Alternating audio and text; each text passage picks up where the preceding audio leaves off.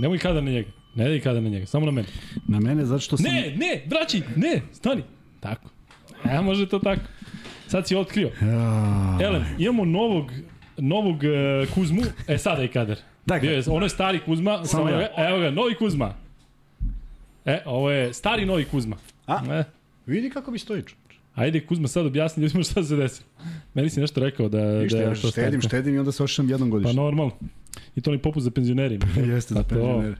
E, Jok nego koji popust. Srki, daj pol, da li vam se sviđa više stari ili novi Kuzmin imidž? Da li vam se sviđa, koji vam se Kuzmin imidž više sviđa? Stari ili novi?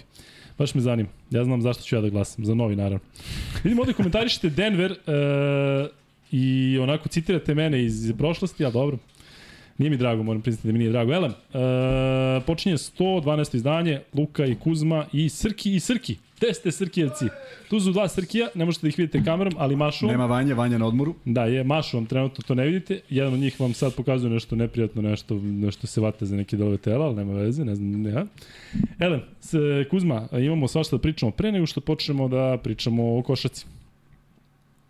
Pre nego što počnemo da pričamo o košarci. nego što počnemo da pričamo o košaci, imamo pričamo Da, desila se jedna jedna dobra stvar koja nam se eto dešava od kako je krenuo ovaj podcast i uopšte ta energija koja se nekako ovaj kruži oko svega ovoga i onda se pojavio jedan divan momak Velimir Stupar sa koji radi u firmi Jogo koja je napravila ove divne rančiće ovde koje vidite.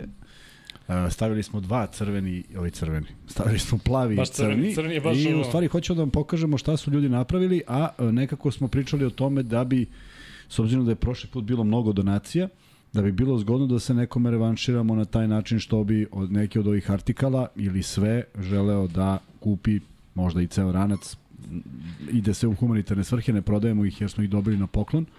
Tako da bismo i dalje nastavili tu akciju koja je inače bila fenomenalna i neću još da otkrivam brojeve, ali mislim da ćemo ono pred, pred novu godinu otkriti koliko je novca skupljeno, prosto fantastično, tako da Da, govorimo za ako neko nije do sada vid, čuo i video, Da. govorimo za Uruša, za njegovu operaciju. Za operaciju, tako je. To je momak koji ima problem sa kičmom i neophodne operacije. Novac skupljamo 31. decembra, a imamo još nekoliko humanitarnih akcija i sve ih možete vidjeti u opisima naših videa i u opisu između ostalog i ovog videa. Tako je. E sad, da, na primjer, ako neko poželi da baš konkretno nešto, evo ima ovako. Ovo su, ovo su artiklika. Jedan termos sa našim logom, naravno sve ima naš logo.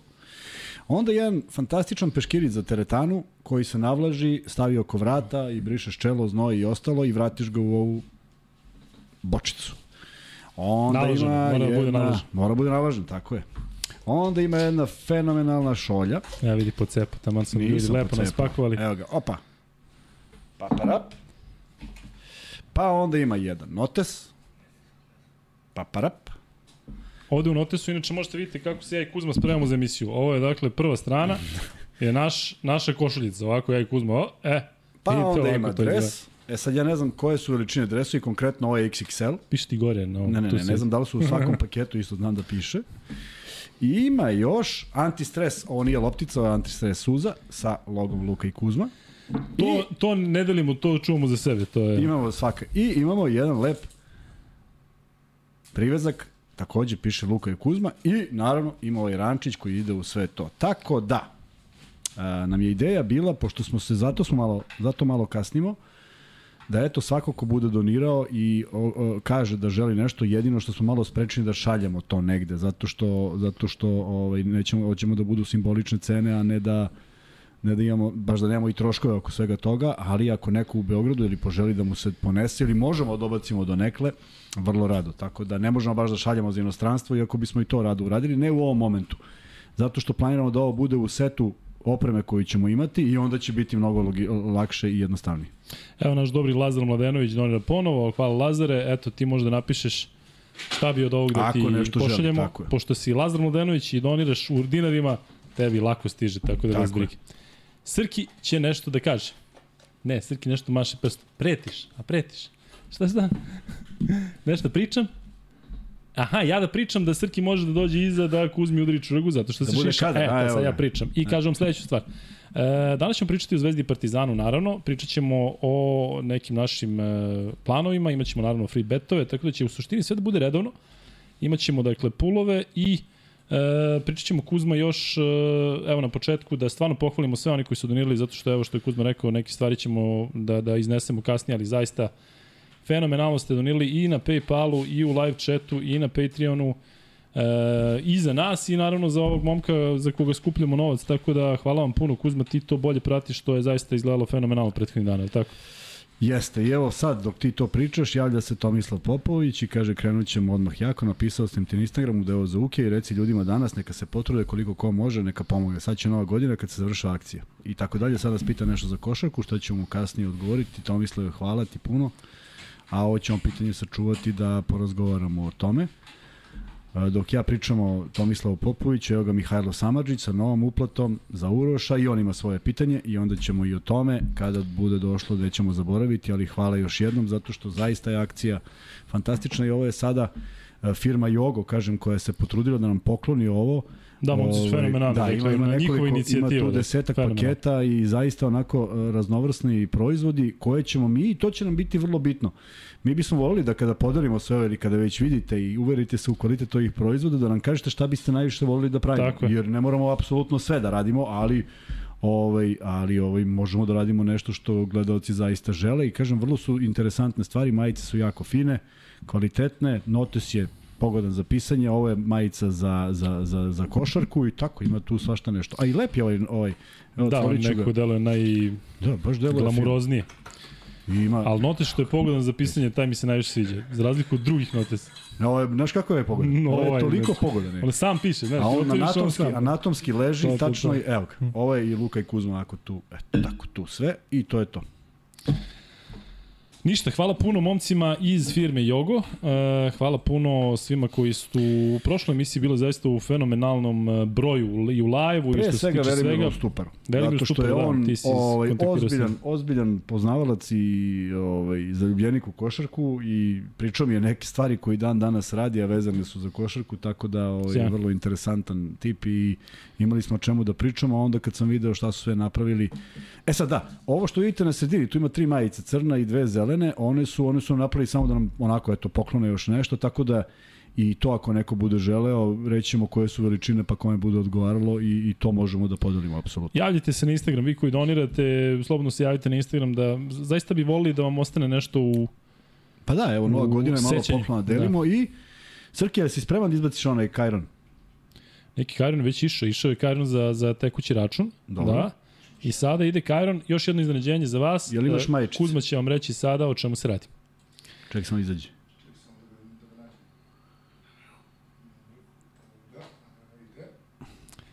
I evo ga Kajron. E, da. E sada, šta je, šta je cela priča? Naravno, mi ovaj, kada smo formirali cenu majica, na 2812 dinara, bila je takav moment da smo dobili informacije da to što napravimo sada, u tom trenutku, biće značajno skuplje kada budemo radili u narednom periodu. I svi su očekivali nevjerovatan skok cena, do kojeg nije došlo. I onda smo mi u saglasnosti sa Infinity Lighthouseom, sa, sa kućom u kojoj se nalazimo i sa cenom njihovih majica i sa idejom koju prate, dogovorili se da spustimo cenu na 2100 dinara, a svako ko je kupio one majice za, po onim cenama ima 20% popusta na bilo koji drugi artikal. Infinity Lighthouse-a imaju jako interesantne Reci stvari. Reci glasno. Da, da, nek se da. jave oni koji su Javi kupili koji majice su da dobiju 20% popusta na sve Tako. sledeće. Ko će imati na sajtu? Tako je, tako, tako je, da eto, tako, tako da će ovo ostati cena, dakle nije samo novogodišnji popust, da, će cena će ostati, tako, cena, tako da tako eto. Jer u... cela ideja da, da, da, da, se, da, da napravimo dobru priču oko svega toga, nema ovde nekih ideja da se tu nešto pretjerano zarađuje, prosto bili smo zastrašeni šta nas čeka u narodnom periodu, pa je cena otišla, otišla više i na, na svu sreću ovaj nije bilo nije bilo nikakvih razloga da sad ne vratimo, jer nama nije bio plan da zarađujemo na tome, ne znam kakav novac, koliko da se reklamiramo. U svakom slučaju, na sve to 20% popuste kad budu ušli novi, novi asortiman proizvoda, asortiman proizvoda, čoveče, kako. I ko da predstaviš neki novih market, ja sam gledao one market. robne kuće Beograd. Da. Ovaj, novi asortiman proizvoda kad bude osvanuo, tu će isto biti popusta, a kaže mi na sve, na sve Infinity Lighthouse, Lab 76 i sve ostalo što postoji, je popustio. Tako, Srke, ja sam dobro razumeo? Tako je. Tako je. E, dakle, to je to. To je to i još malo nek ide ovaj, da, da se ljudi ovaj, da vide da je da je 2100. Uje, ovo je neki kadar, nismo imali ranije, vidio ovaj, a? Kakav kadar. Ovo je kadar. Ja e, sebe ne vidim, nekako je postavljeno na kamer, ja uopšte sebe ne vidim. To je kadar uh, iz perspektive Mnogo reflektora. Mnogo se ne vidim, ja volim da se da. gledam i sad se ne vidim uopšte. Kuzma 10 godina mlađi. Jeste. Kuzma, hoćeš da Ko kažeš kaže? ljudima... Ko kaže ima- ima od mene da banjac, da banjac, ne stres lopticu. Stres lopticu. Da. Nenad Dinić Da. za Uroša, hvala Nenade. Evo treća uplata večeras, nismo ni krenuli, svaka čast. E, Kuzma, hoćeš da kažeš gde si bio danas? Smeš? Ne smeš. Da, smem, upravo malo sam zakasnio jer smo donosili, donosio sam ovo, išao sam na koktel Crvene zvezde. Ovo bilo je jako simpatično. Kako mene ne zovu, to mi nije jasno. Ne znam, ali izgleda, Znači, ne, ne, ti ne, nije ne. Pa nije, pošte. ja sam bio ti pored poštanskog sandučeta, ja sam pored poštanskog sandučeta bio ceo dan danas, vidim poštar prolazi i gleda, ništa, ubacuje infostan.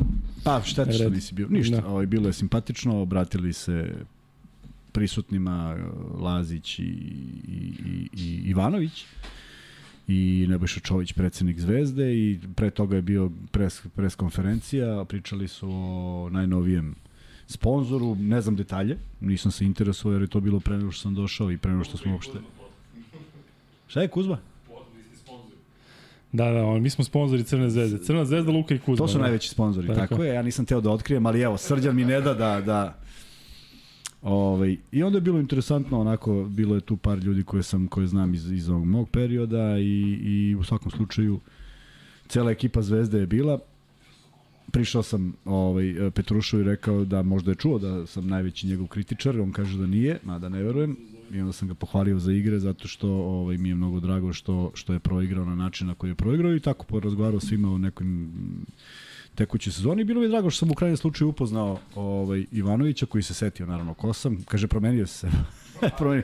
Zamislim me video sa onom frizurom, tek onda ne bi shvatio ko sam. A ti si zato šišao da bi to on Pa da prepoznao bi prepoznao, pa da. sad I, ja jasno. došao u dresu i šorcu u budućnosti, Da, da. znaš, da bi on tačno znao ko sam. A sad ne znamo da li bi te prepoznao ovaj, da, da si došao onako. Ne bi, ne bi me prepoznao, Na ali sledeći lepo smo se koktel ti ispričali. pušta i kosu pa da vidimo da li Da, će- da, ima da li će onda... Tako. čekam sledeći koktel.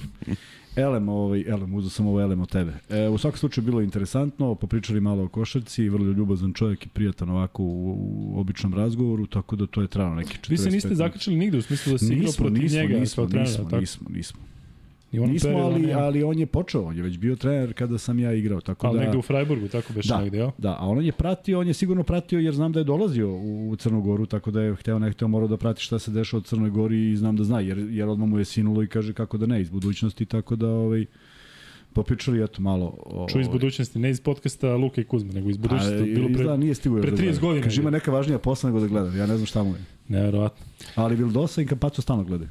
Pa normalno, pa za Vildosu znam od prošle epizode. da, e, kažu ovaj, e, Luku ne zovu, kuma na slavu, a nada se koktelu, da.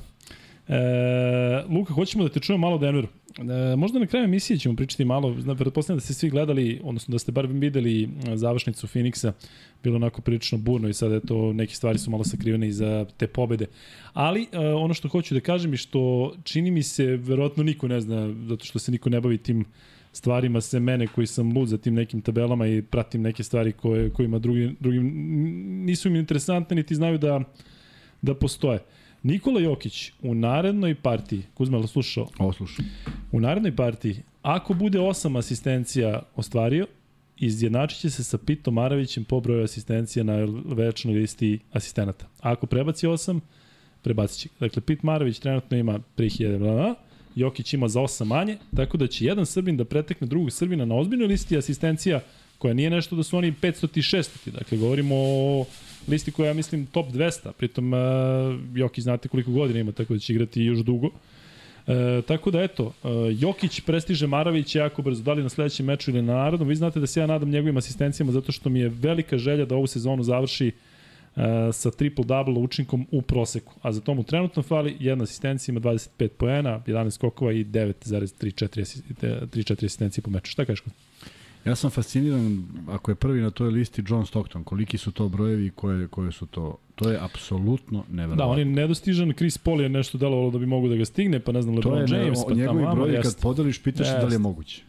Ali ja sve nešto verujem u Jokića da će ono odjednom da sad počne 20 asistencija po E, pa Koliko ne verujem drugima u Denveru, toliko verujem njemu. E, Jedno vreme sam onog Gerona Gordona kritikovali kad sam bio u Besu. Onaj dečko stvarno igra za ekipu i zaista kad god bukvalno gleda ka Jokiću i šta ovaj radi, on se prilagođava.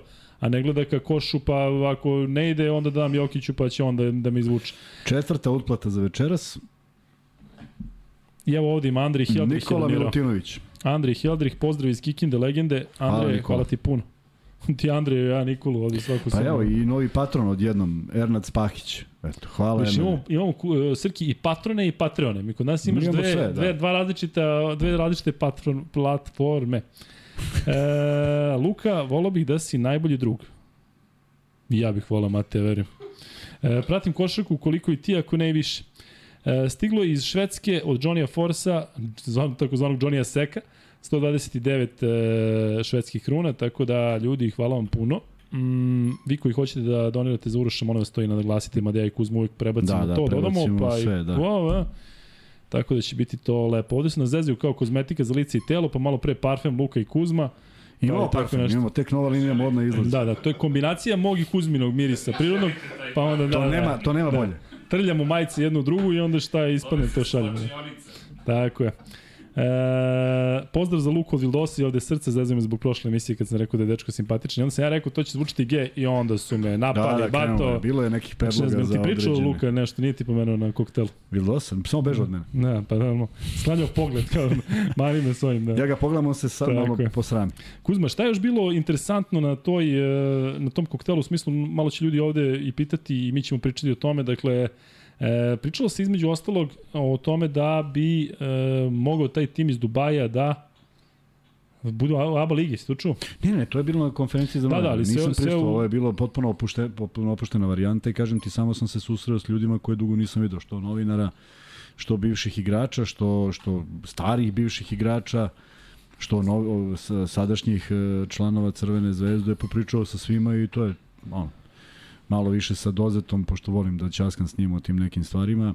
I bit će tu, naravno, ovaj, još turbulencija što se sezone tiče i e, lepo je bilo videti ih onako, znaš, u jednoj varijanti nisu imali trening. A kako ti je atmosfera bila zaista dobra kao što delo u smislu jeste, da, i, da, da. i rezultati i sve nekako se poklopilo? Da, jest. I svi su zajedno i svi nasmejani i imali su svoj deo, niko tu sad nešto nije, naravno mnogo ljudi htjelo da se slika, pogotovo sa Kampacom i sa Vildosom. Ja kad sam stao u red, oni baš tad prekinuli.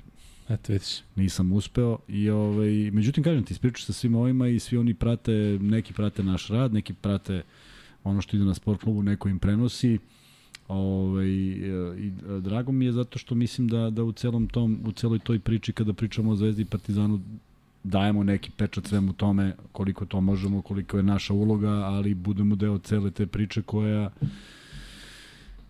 na, na šta ti prođe kroz glavu? Prođe kroz glavu kad vidiš sve to i odjednom ti dobiješ one flashbackove kad si bio u toj poziciji i kako je to izgledalo i kako je bilo to okupljanje i kako je bilo druženje. Znaš, ti za malo, malo ti odjednom nedostaje. Shvatiš da je to prošlo mnogo godina. Pa je bio Rakočević, pa znaš, sedimo onako, set, setiš onih momenta kad smo zajedno sedeli i slavili. Tako da ovaj, to je bilo onako malo, eto, tu nekih emocija, ali generalno vrlo fina proslava, lepa muzika, e, posluženje, Crown Plaza, počeli se razilaze svi vrlo brzo i to je to, sat vremena programa. Zato smo kasnili, eto, da ako vam je... Onda sam došao, ako sam našao parking, dok smo donali ovo Luka i ja u studio. Kuzma tako ostao ovaj, poslije na koktelu, rekao Da, pa ja dok ne popijem sve ne Tako. idem. Johnny Sek je donirao još jednom, imamo još jednu donaciju iz Norveške, to je Nord. Mi kad bismo otišli u, u, u Skandinaviju, ja mislim da bi, da bi tamo gde god da stanemo u bilo kom mestu, to bi bilo ono, pras, kreći i ostalo. Um, Kuzma, e, što se tiče te mogućnosti, ajde možemo da pričamo o tome, Aha. da tim iz Dubaja, koji ti ne možeš da smisliš očima, eventualno budu u ABA ligi. Ti U ABA ligi? Da, da, u ABA ligi. To se pojavilo kao varijanta. Da se priča o tome da je to mogućnost. Ne znam. Meni to deluje sve neverovatno. Ovaj, tek za ABA ligu. Mislim, kako, kako, kako ko, ko odputuje u Dubaj? Jedino ako dođu na onu turu da odigraju 11 utakmica u 11 dana, to ne bi bilo loše. Ne znam, meni to sve deluje, a i kažem ti ja kad pričam, i vidio primetio si kad pričamo o, o košarci, pričamo o sportskom delu. Ovo sve ostalo mi je nekako a, proizvod vremena u kojem živimo. Treba da ga bude, ali ne u tolikoj meri, a tako neka ideja koja se pojavi mi nije nešto preterano bliska.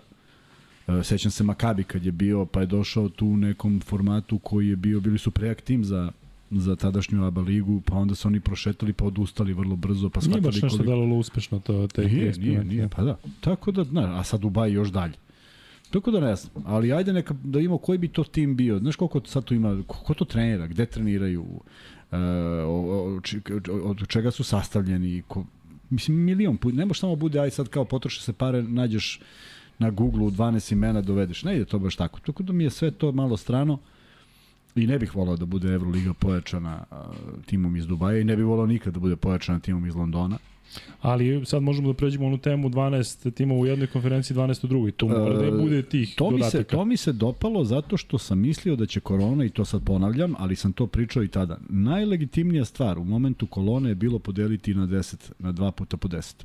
Nema Evrokup, nema ništa, ne zanimate. Dva kandidata, Virtus je tad bio i Partizan je tada bio vrlo konkurentan. Paf, ubaciš, kažeš to je to, 10-10, strahovite ekipe bi se podelile u Rusiji, Srbiji, Turskoj i Grčkoj i Izraelu, a ovde bi imao ostatak Evrope. Prema tome uopšte nije bilo tu nekih naročitih problema organizovati sa manje utakmica, sa manje rizičnih letova, sa manje mogućnosti da se neko razboli i tako dalje.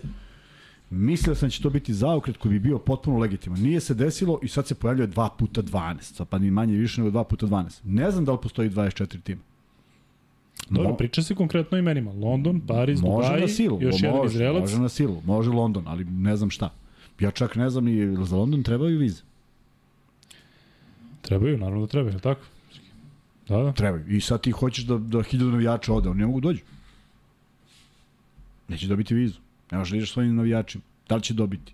Da li će svaki igrač da dobije? Ti znaš da ima pasoša koji ne trpe to tek tako kontrolu. To Da. je sve problem. E, ja koliko sam upoznat kada je bio u Londonu e, turnir e, Final Four, ja mislim da ženi Turkish, predsjednika Turkish Airlinesa nisu izdali vizu. Za malo da otkaže sve. Ej, nisu izdali vizu kao nešto u nečemu nije pogodna da dođe, nemam pojma. To su veliki problemi koji se samo najavljaju sa, sa, sa, sa njima. A evo vidio si koliko smo priča imali oko nekih pasoša, ovaj zaboravio, ovaj nema vizu, ovom istekao, ono, ono, tamo bi još bilo dr drastičnije, tako da oni nemaju nikakvog ovaj, razumevanja za to, a košarka im ne znači ništa na, na da saopšte. Tako da ni, e, e, ja, ja bih volao da vidim e, neku formu Londona u nekom, ne, ne mogu da je vidim, sazoveš 12 igrača i kažeš to je naš tim. Ne, nego neki rezultat, nekakav rezultat. Hajde da kažem da u Evrokupu sad bih volao da vidim da li oni to stvarno mogu. Ako su oni 16. u Evrokupu, pa u čemu pričam? Zašto onda London? Zato što je dobra destinacija, ma ona je potencijalno možda i dobra, možda i nije dobra. Ali ako ulože, E pa to, ako ulože, onda može i Sremski Karlovci, je li tako? Što šta mora pa? London? Pa ne fali ništa. može Beočin. Pa može Beočin, pa eto. Ako, Napravimo ako, lovu ovde, uložimo KK Beočin i opa po Euroligi. Znači može bilo ko. Pa ne ide, mislim, ne valja. Jer Da, će, će trajati da. kratko. Ali generalno ti se dopada podela ta na geografski levo i U, desno, za to sam zapad, bio, kažem da. ti zbog čega. Ali ovaj, sad mislim da kad odu na 2 puta 12 nema toliko timova. Evo, mi imamo 18 timova sada i imamo, evo, ajde, ajde, daj neki, daj neki pol, ako može, nećemo pol, ali ajde nek neko pišu, mogu da pišu. Koga vide u Euro, iz Evrokupa finalista i polufinalista? Ne, pa mislim da je to komplikovano u smislu finaliste. šta se moramo stavimo. Juventus, HPT, Ne da stavimo. Šta neko vidi ko su im favoriti? pišite da, nam, pišite pišite nam nam dva imena ko su favoriti za finale. U Evrokup? U Evrokup. Pa dobro. Da, I da tu. konstatujemo da li su to sada ekipe, da li su to sada ekipe, da li su ekipe sa salama koje to podnose i da li su ekipe sa budžetom koji će moći da dobiju. Dakle, ja tvrdim da Juventud neće dobiti budžet ni od koga da bi igrao Euroligu. Misliš da onaj gradonačelnik Badalone neće da se otvori? Mislim da neće, jer, jer im je taj ulazak jedna godina. To je 8 miliona ili 10 za jednu godinu. Ne za konstantno. Ali koliko sam ja shvatio Kuzma, e, finansiranje Evrolige će biti drugačije u smislu da klubovi tom koji su do sada gubitaši, To, Da sada to ne znam da li je došlo dotle.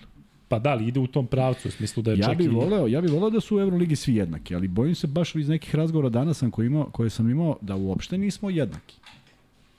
I to je negde, ne mogu kažem da je logično, nego prosto to je tako i moramo da se pomirimo s tom činjenicom. Da razumeš? Negde tretman Govoriš o tretmanu, ne o budžetu ili o svemu. Ne, ne, o tretmanu. Jednostavno u odnosu. Negde moraš. Ja verujem, ja sam duboko ubiđen da ako neko iz Barcelone pošalje, pošalje mail, da taj mail stigne pre nego što je ovaj ga downloadovao. I Srbije kad ide, ne ide tako brzo. Tako da to jesu da. problemi i ti ne možeš ništa. Samo pro, prosto kažu nemaš pravo glasa, ti si tu, hoće, jer ti se sviđa ili ti se ne sviđa. To nije dobra koncepcija. Oni moraju da imaju isti tretman, da, da se rešavaju stvari. Ako rešavaš stvari za Barcelonu za 24 sata, reši i za Zvezdu, reši i za Partizan. Ako je uleteo paljač u Barceloni, reši istu kaznu i u Barceloni i u Beogradu. Nekako, nekako ovde, ovde samo gravitira ka tome, e, ajde, da, da mi kažnjavamo ove, jer to su indijanci neki tamo. Ne, ovo sa Špancima je zaista bio problem zbog Bartomeu, to, to nije javna tajna, čovjek je, ja mislim, bio, imali su španski klub protekciju, ali nije jasno i on dalje tamo ima svoje ljudi. Ne znam to je cela parat. Strukturno, ali cela parat. vidiš ovo što Barceloni navijači nisu pustili Partizan. Jesi tu neko oglasio? To rekao niko, niko ništa, boli ih uo, može im se, ti nećeš da ideš reciprocitetom jer nisi lud, prosto ne, ne, nema ali ništa će dobiti oni svoje ovde kad dođu u smislu zvižduka i svega. Sticam okolnosti, imao sam, imao sam mogućnosti da sretnem Bodirogu u, u gradu, pa ga baš pitao kakav, kakav, pa kaže polako ide. Znači ne možeš ti ništa, to je, naravno, naravno. to je jedan aparat koji je postoji tamo. Obavio je milion razgovora, otputovao gde god je trebalo, razgovarao sa svima, ima pomaka, ima pomaka prema FIBI, ima pomaka tu sad nekih silnih, ali koliko su oni brzi, to, to ne treba računati s tim. Da, i ne treba očekivati da on Niti sad on treba, reši podmak licence za srpski klubove, to ne, su ne, ne, neke ne. naše želje i ideje, ne, ako tako, ja apsolutno verujem Bodirogi da, da, da je na dobrom putu, ali kapiram da si on u nekom trenutku ovaj pokajao kada je video šta je zatekao tamo. To sam siguran da je u jednom trenutku kada je video. Sam ga, baš sam ga pitao, neš. baš sam ga pitao, kaže ne, nije nije u smislu da se pokajao, nego kaže on shvatio da ima više posla nego što treba, ali da nije nije pesimista. Dakle on misli da Super. da te stvari mogu baš da se da se posluže, da, što je vrlo važno, jer ja mislim da je on ipak ozbiljno veliki autoritet, znaš. I e, iz onoga što smo pričali u tih desetak minuta, deluje mi ne, da, da se pripremio, da, da zna tačno čime barata, ko šta, kako ali da je suoč, da suočen, da je svestan kako će to teško ići i u krajnjem slučaju Znaš, mnogo je teško u sred sezone. Ti znaš da smo mi pričali koliko je bilo momenata da se ozvaniči Bodiroga, pa nije, pa je prošlo celo leto, ništa se nije desilo. Pa smo mislili da će biti reakcija zbog nečega, pa nije bila reakcija. Znaš, tako da tu su se dešavali neki poremećaj i onda kad jedan sistem ostane bez, bez vođe, verujem da je bila obstrukcija tamo, odlazi njihov čovek koji je osmislio sve to, Nije to lako prihvatiti, ali ajde da verujemo da će ta organizacija koja jeste, koja ima najbolju ligu u Evropi, nema bolja. Ajde da vidimo da li će preživeti to i da će, da li će sa Bodirogom biti bolje. Ja bih voleo zbog njegovog angažmana i mislim da stvarno svojim imenom i prezivom može da pomogne i regionu, odnosno Zvezdi i Partizanu. Da, Kuzma, ti okej okay da malo šaramo sada na početku, zato što ima dosta pitanja, sve Šaraj slobodno, pa ćemo da, možemo da posle, Zvezdi da, Partizan ABA i Zvezdi Partizan Euroliga i na kraju uh, eh, NBA, ali eto sad možete da, da postavljate pitanje, ja ću gledati da postavim što više. Hvala Čiri koji je donirao. Čiro, ti si naš stari prijatelj, slobodno javi ako hoćeš nešto od ovih lepih stvari koje smo mi dobili na poklon, da ti dobiješ na poklon. Evo, izvini, e, barber, barber shop Oazen, Oazen, Oazen, šta da, god. već su, već su oni donijeli. Ko? Barber shop. Stvarno? Yes. Evo piše, što si u pravu, šta sa gađanjem klupe Partizana u Atini? Dakle, mi redko kad slušamo to, je tako? Ne, ne, mi gledamo, mi gledamo ono što mi komentarišemo, ne vidimo, neću da obraćam pažnju da li je nešto uletelo i neću još da potenciram, ali voleo bih da jednim klikom na ulazak na sajt Euroligi, ja ne znam, možda i moguće, možda ja samo ne znam, nisam informisan, da ja ovako kliknem i kažem kazne u prošlom kolu. I, na primjer, piše Bolonja, ovoliko, razumeš? A siguran si da nema? Pa ne, ne, ne, ne, nisam, nisam, nisam, nisam, nisam neko ko će da uđe da. u to, ali voleo bi da postoji. Kao što postoji injury report, onaj ko je sve povređen, news, ko je došao, ko je otišao, dajte i ove kazne. Samo da vidimo red veličinu. Naprimer, četiri upaljača, ovde dva upaljača. Četiri upaljača u Italiji 5000 evra, dva upaljača u Beogradu 200. Samo to da vidim. Da li to ima neke veze? Čisto da nas informišu. Informišu nas o svemu, pošto nas ne bi informisali o tome. Koliki su kazne. Jer ja, ja stvarno imam možda predubeđenje da Zvezda i Partizan budu najkažnjavani. Možda grešim. Dobro, ali e, da se ne lažemo, Zvezda i Partizan imaju i najviše navijača i najveću, najveću atmosferu, okay. ali govoriš ono, o paljač u paljač, što porediš? Govorim da, govorim da. to. Govorim to, govorim, govorim sve. Vidi, igrali se, igrao sam po toj Italiji u neka mirnija vremena. Pa i tamo bre uletalo. To što naš, što što naš drugačije gestikulira, a Italijan ti radi ono, to, to je samo stvar afiniteta, šta ko kako pokazuje, al to je ista fora. Kako kaže, kako Italijan radi? Pa znaš, ovako, pa, pa se, pa...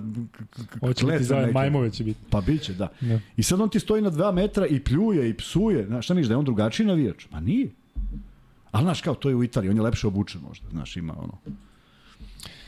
E, da, kapiram, ali... E, da, nezgodno. E, mislim, pazi, znaš koliko Panathinaikos recimo ima sam problema sa Euroligom, tako? Dakle, ne možemo sada da govorimo o Atini da je nešto zaštićeno, ali da nije, da nije ravnopravno, definitivno nije. Upravo to, ajmo samo da vidimo ko šta kaže, kakva je kazna, kazna ovde, kazna onde. Ej, pogledamo snimak i vidimo kako je to izgledalo i kažeš, Bio to isto, isto koji je ovde bilo, razumeš? I kapiram te da misliš da kada London uleti, Dubaj uleti da neće biti na nivou kao nekih ajde njih da klepamo gde god stignemo. Ako ovaj da 75 miliona za Euroligu, znaš da je hteo da, Ja da prvo podrži. mislim, da, ali ja mislim da to neće biti moguće. U Dubaju će vjerojatno gledaju čudu, koji je ovo sport, Da. a u Londonu, znaš, ono, kao, I kad neko baci upaljač, bit će u fazonu šta je upaljač. šta je, da, šta je, ne, pa. I onako, znaš, ne, nema pušenja dobro. Jedino Da, da, da. nargila, ako neko ubaci, onda će biti već pometno. Ej, Kuzma, dobijemo neke strajkove i ostalo. E, Kuzma, hoću da te pitam, kada smo već kod toga, ima, prećemo ovde na vaše pitanje, vidim da ima mnogo, ali nemojte zameriti ako nešto propustimo. Inače, iskomentarisali su da li ti, da li ti je bolji stari ili novi imeč. Šta kažu? Neću ti kažem, pozne možda spavaš. Stari, znači da puštam kosu. Stari 97%. E, 97% stari, 1% novi i 1% neki treći. Tako da, e, Kuzma, sada kada su se Zvezda i Partizan ovako pozicionirali e, i znamo da će se da će razlika između njih i ostalih klubova biti mnogo veće u ABA ligi nego ranije. I ranije su Zvezda i Partizan bili dominantni, manje više. E, svako su RM, ali sada su se ovako izdvojila dva kluba, ABA liga više ne deluje toliko interesantno. Šta da radi recimo klubu, imamo mi dosta ljudi koji nas gledaju u Hrvatskoj ili negde, oni realno nemaju nikakvu šansu. Jeste. I to, Kakvu i to, šansu i to ima- sam razmišljao, ali onda sam razmišljao ovako. Javi se neki Burgos i kaže koju mi šansu imamo s ovim Realom i Barcelonom kad oni imaju futbolske klubove za sebe koja je naša šansa da mi nešto uradimo? Pa nema. Ali igraju neku ligu špansku. Samo što je ona španska, a ovo je, ovo je, ovo mi zaboravljamo da je bila SFRJ. Dobro, ali Baskonija je pobedila, Baskonija je dobila, osvojila špansku ligu. Ali, pre ali dve godine, Baskon, tri godine. ja govorim Burgos, nisam rekao Baskonija. Baskonija jeste, Baskonija hoće da ulaže, Valencija će da osvoji, Real će da osvoji i onda će se vrti četiri kluba. Ja ne znam da li ima pet, čak ne znam da li ima pet. Kako misliš u ovom? Pa dobro, imaš u Nikahu, imaš... Ne, ne, da li ima pet prvaka u zadnjih 10 godina? Ma, I svi nema, oni nema mogu pet, da... Nema, Pa to ti kažem, i onda svi kažu, pa čekaj što si mi takmičan. Kad ovi imaju od futbolskog kluba. Mislim, razumem šta hoće da kaže. E, ovde je problem što je jedan, jedan, jedan sistem funkcionisanja u Španiji. Je tako? Moraš da ima, možda imaš sponzore, možda imaš poreze. Evidentno da mi u Beogradu nemamo iste uslove kao, ovaj, kao u Hrvatskoj ili u Sloveniji. Verovatno su drugačiji zakoni. Ne znam, pretpostavljam. Sasvim je logično da budu. Mislim I- da je osnovo to što je interesovanje mnogo veće ovdje. za Interesovanje i jeste veće, ali je činjenica da, činjenica da, da neka pravila ne sprečavaju Cibonu da uradi neke slične stvari kao Zvezda i Partizan u održavanju kluba, da bi oni to uradili. Ali možda nije moguće. Pretpostavljam da nije moguće. Jasno, ali opet sećaš se onog Final Fora mučnog i za Zvezdu i za Partizan u Beogradu. Sećam se. Uh, kada su Cedevita i Cibona igrali finale, tako je. pa je Cibona odustala, a Cedevita je dve godine ili tri godine kasnije uparila se sa Olimpijom. imali, ali nisu imali novca. I da se razumemo, ja mislim da svi koji pričaju o Olimpiji, ja mislim, ako sam dobro razumeo mog druga Đoleta, da ta Olimpija i ne postoji, ona se davno ugasila. Ova Cedevita Olimpija nije Olimpija, Smelt Olimpija. Pa nije, mislim... Pa to, znaš, ali niko ne, ali niko ne kaže da se to ugasilo. E se Da. da. slažeš da niko u okruženju ne kaže da to nije ta Olimpija? Ali mislim da ima neke veze. To je kono radnički Kragujevac, pa radnički Ne znam sada, čak ne ni znam da šta. veze. Pa igraju, Ne ako ništa igraju u Stožice. Pa igraju u Stožicama, ali to, to kako bi ti Da. rekao, to... Tako da ne znam, ne znam šta znači ovo, ovaj, znam šta znači, zato što si stvarno u neravnopravnom položaju, ali za razvoj mladih igrača to baš nema veze. Nema veze da ako imaš dobru, dobre mlade igrače, jedino što će bilo ko da ih kupi kad istekne ugovor, to jeste problem. Ali to je problem i na, na višem nivou, ne mora da ih kupe Zvezda i Partizan ili neko iz regiona, može kupi bilo ko. Ali se slažem da cela liga se svodi na to, pogledi su uprti u Beograd, ko će da pobedi, ali ajmo sad ovako. Gde su bili uprti pogledi pre budžeta Zvezde i Partizana ovde? Isto u Zvezdu i Partizan. Dakle, nešto se najbolje Ali je dešava. recimo budućnost mogla da iznenadi, da dođe mogla, se. Sad više mogla, ne može. Tako, pa može, teoretski može. A, teoretski. Pa dobro. Ono baš nije bilo teoretski pre neku godinu duši Partizan je bio mnogo slabiji. Ali eto, deluje sada nemoguće. Zamisli koliko god se Vita Olimpija je pobedila Partizan Da, da. i sa Ma ne, Zvezdom i igrala sve nemoguće, super, da. ali da sad kao to što se desilo 2000 koje već 15. ili koja beše godina da Zvezda i Partizan izgube u, od Mislim da nije moguće. Mo, moguće Da. u jednoj utakmici, sve je moguće u jednoj Jeste, utakmici, jeste, u tom ali, sistemu da. izvinjam se, ovaj, upalilo se. Češ se javiš, nećeš? Ne, Ne, ne, Zove upalilo se. Ivanović možda. da. Um, Treba Kuzma, jedan.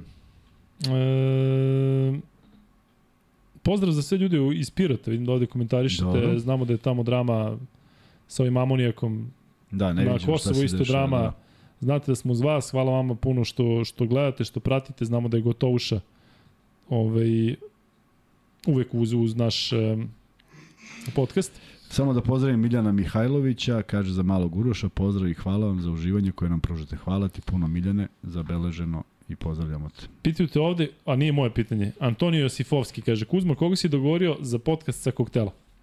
Hmm, a, ajde Nisam, nisam teo da, ne, nisam otišao tako tamo, da, Da. nisam otišao tako tamo. Ispričao sam se sa, ispričao sam se sa, sa malim uh, Ivanovićem. Odlično se osjeća, počeo da radi potpuni trening sem košarke. Kako si krenuo kao počeo da radi tipa ono u Počeo da radi, ono da, počeo da radi nešto Da, da, da, dosta u da, Volku. Da, da. I vežba bicikla, znaš ne može da da, trči. Da, da, da, da, ovaj, ovaj deo prezupči, znaš. Samo da malo, Da, da. samo da malo stane na noge. Da. Ovaj, ono, Johnny, je, Mime, Mime Johnny Ivanović u Volku, da. Johnny se dobro osjeća, počeo da radi, kaže da ga stvarno ništa ne boli i, i, i, i doživljava zaista, lepo je rekao, doživljavam, kaže, ovo ne doživljavam kao povredu, doživljavam, kaže, kao nesreću.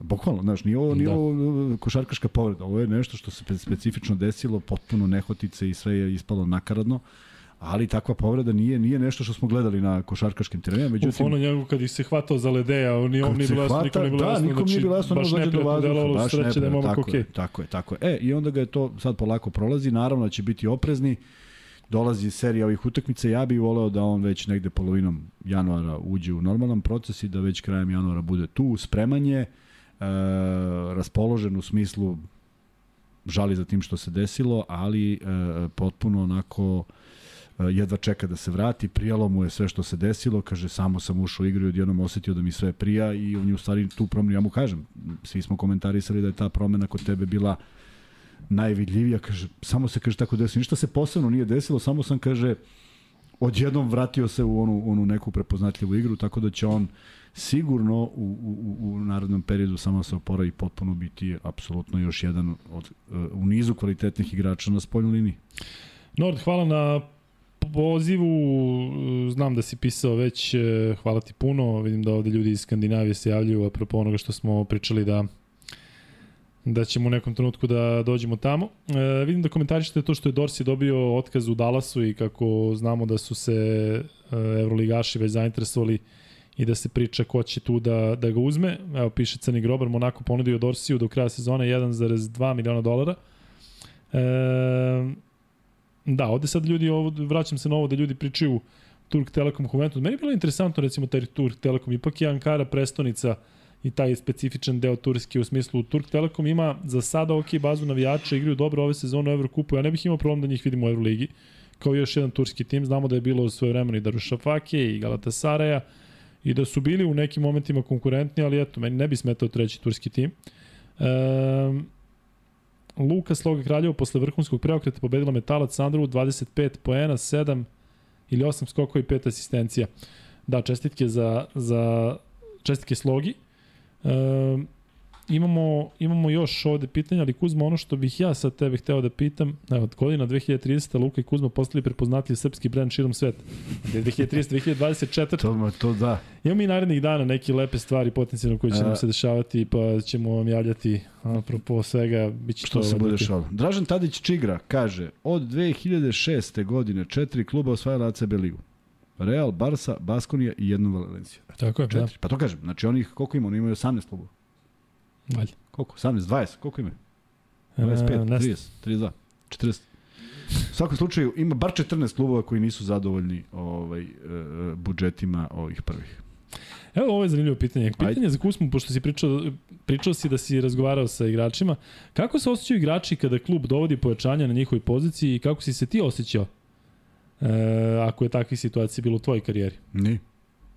Ja sam to pričao bezbroj puta. Mi čekamo da se ovaj oporavi, da se vrati u formu, da se oporavi. Svi mu pomažemo. Biramo akcije za njega. Želiš ga na terenu, jer ne možeš da izdržiš da igraš toliko.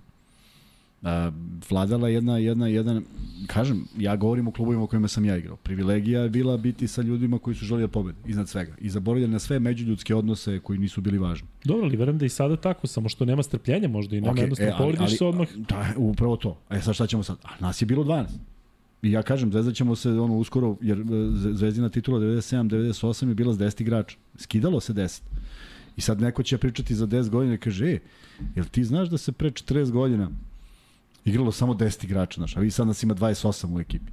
Takva su promenila se vremena, zahtevno je mnogo, mi smo imali mnogo manje utakmica i ja stvarno ne znam, meni nikada na moju poziciju nije došao igrač.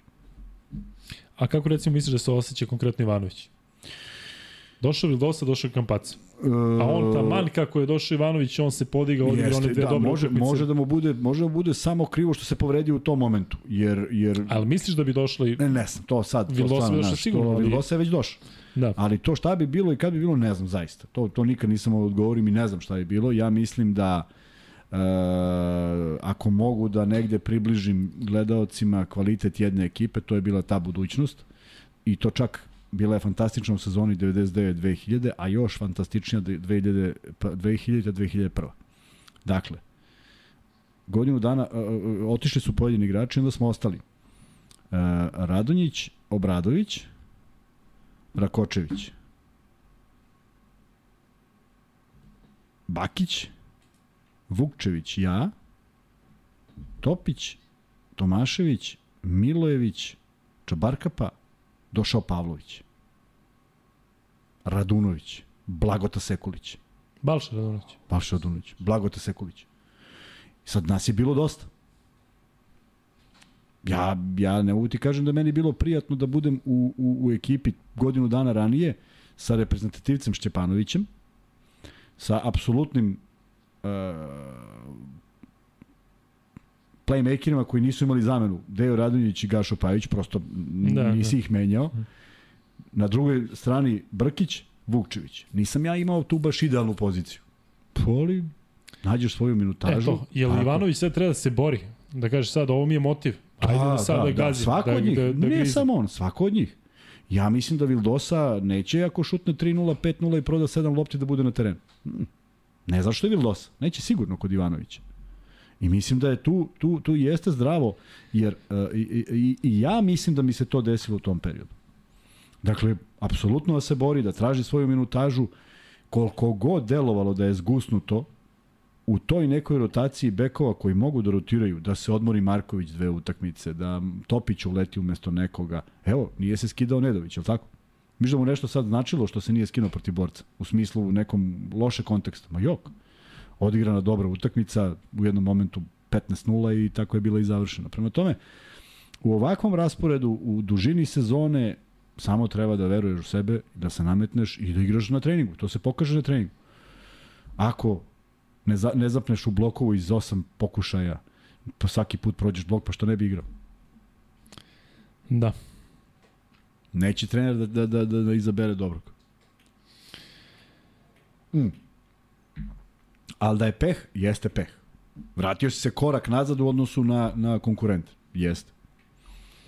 Um, da, kaže ovde Luka, Turk Telekom ima iza sebe, Turski Telekom ima jako finansijsku podršku. Da, jeste, to je istina, pa i mora. Sa ovakvim odnosima mora da se ima. Luka iskomentariši sa Kuzom oko Zelera, on ove godine ima u Portlandu 2,5 miliona dolara, ako se raskida ugovor sa njim, ovde se priča da bi Zeller mogao dođe u Zvezdu, ali to je toliko, ja mislim, nerealno. Znaš ko je Cody Zeller? Znaš braću Zeller, ne znaš, ne? Ne znam. ni bolje. E, Kuzma, pitanje je takođe bilo sada pokušavam da ga nađem, ali evo jedno opšte pitanje koje možda ne možemo da, da zaobiđemo, ali šta će se dešavati sa Partizanom i Zvezdom ako na Kosovu izbije oružani sukob, šta će reći Euroliga? Pa bazi, ako tamo izbije oružani sukob, mislim da će sve ostalo biti u drugom planu, pa naravno i košak, ali jeste nekako nezgodno Kuzma, a? Ne di Bože, nešto se desi, Da. sve, Jeste. sve o čemu mi pričamo i sve što radimo može odmah da, da A nažalost prolazili smo te situacije mnogo i onda tačno misliš ne može više da ti se desi i se. onda shvatiš da može. E, da li mislite da je trenutno Zvezdi potrebno pojačanje na petici, o tom smo pričali, tako Kuzma mislimo da ne treba više da dolazi niko, o tako, da je već gužva svuda. Ne, mislim da u ovoj sad trenutno situaciji sa ovako raspoloženim igračima, sve i pričam i sa Kuzmićem. Znači ja ne, ja ne znam koliko ljudi ima prilike da priča s njim. On je toliko pozitivan, on toliko na sve gleda i on kaže ja, ljudi, kaže Kuzma ja radim, ja radim, ja treniram nenormalno, ja treniram najbolje što mogu. Da li ću igrati 2, 5, 7, 12? Ja nemam problem. Ja prosto na treningu, kaže, ginem, padam, skačem, sve što treba. I, i spreman je da igra dva. I to, i to je velika stvar koju ljudi ne mogu da shvate. On je spreman da igra dva i 20 minuta, ako je, ako je to ideja trenera. I trenirat će isto jako. I isto će jako trenirati. I on na treningu, ja, ne, ja, ja prosto nema šanse da on bude u, pe- u, u, de- u 12, a da na treningu nešto, nešto radi loše. Prosto shvatio bi trener da ne, ne upotreblju. Međutim, ja mislim da on jako tip, fin tip koji daje 100% sebe, koji će igrati koliko god trener od njega traži, koji neće skrenuti pažnju na sebe u smislu da on nešto mora na terenu. Što su velike stvari ako mene pitate i ja zaista mislim da ovi momci koje ja stalno ovaj, volim da spomenem, pa neko pomisli da, da, da, smo, da smo nešto bliži nego, nego što samo eto, ja komentarišem njihove utakmice. Prosto mi je drago zato što su to bitni šrafovi jedne ekipe. I taj Kuzmić je bitan, i Lazarević, i Lazić, i svi su bitni. Kuzma, ajde još malo o tim, ne mogu da kažem pikanterijama, ali eto, s kim si još pričao? Ali imaš nešto tako da pa se... Pa sigurno sam se ispričao. Ne, zato što eto, to je ljudima sigurno zanimljivo da, eto, Kuzmić ti kaže, razbijam se treninga Jest. e, i sve. Ili imaš Jest. neko što, to što si s Lazićem pričao, ali ajde, mislim, da pretpostavljam da si pričao uglavnom sa domaćim igračima. Sa Lazićem, ovi, rekao, baš sam napravio jednu, jednu šalu, rekao, znaš, pitaju me ljudi da smo u nekom srodstvu. On kaže, znam, čuo sam, kaže, došlo je i do mene. Hm.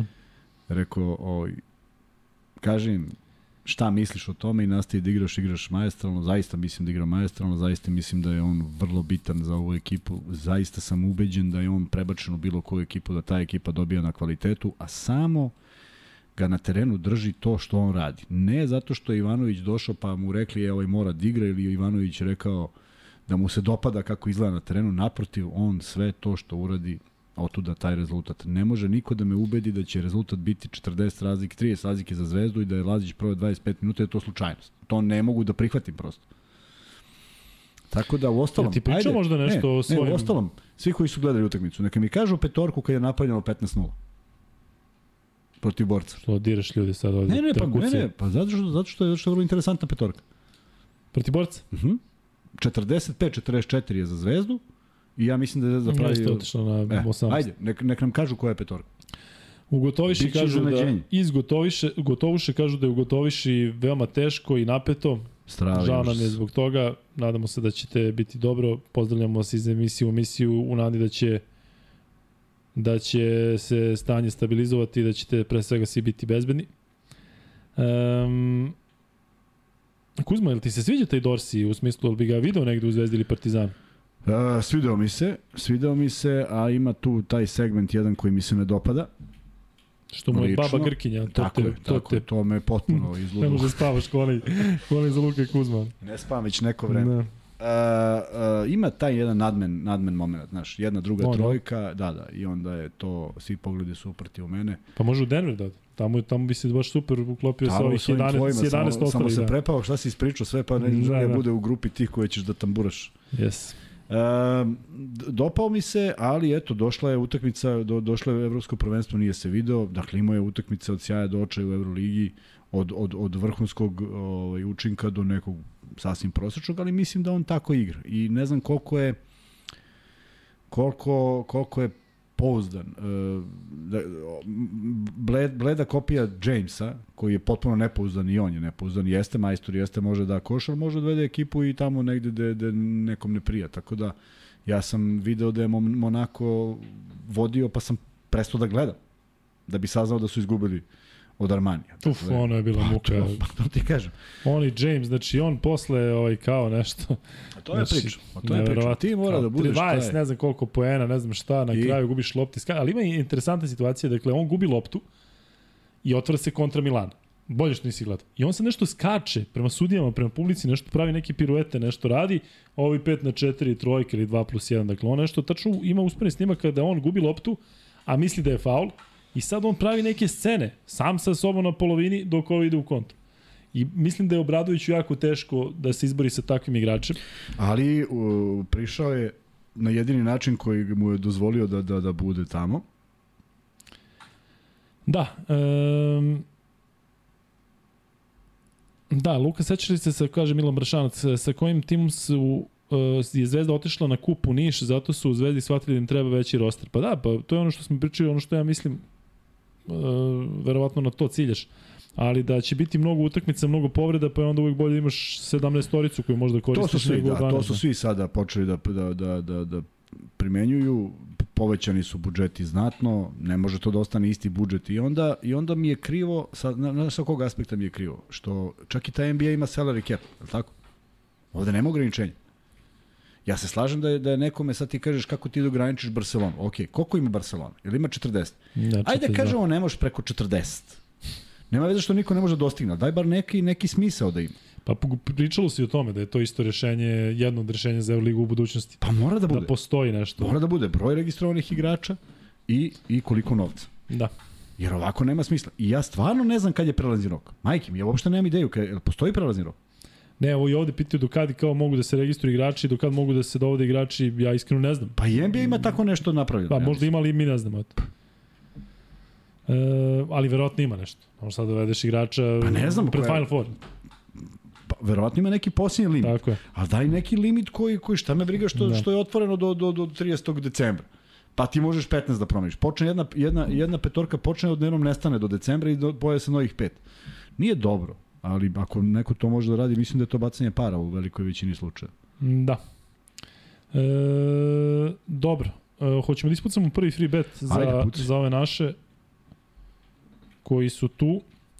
Ajde, pominjali smo te asistencije Jokića i kako će da uskoro već u narodnoj utakmici ili već za dve da pređe i Pita Marevića. Možete da, da prvi free bet će dobiti onaj koji napiše koliko John Stockton ima asistencije u karijeri, on je najbolji asistent svih vremena po broju asistencija. Tako da onaj ko prvi odgovori dobija prvi free bet naših e, partnera i naših sponzora Max Beta. E, Luka, zašto toliki hejt prema Aaronu Gordonu ima sezonu karijere do sada?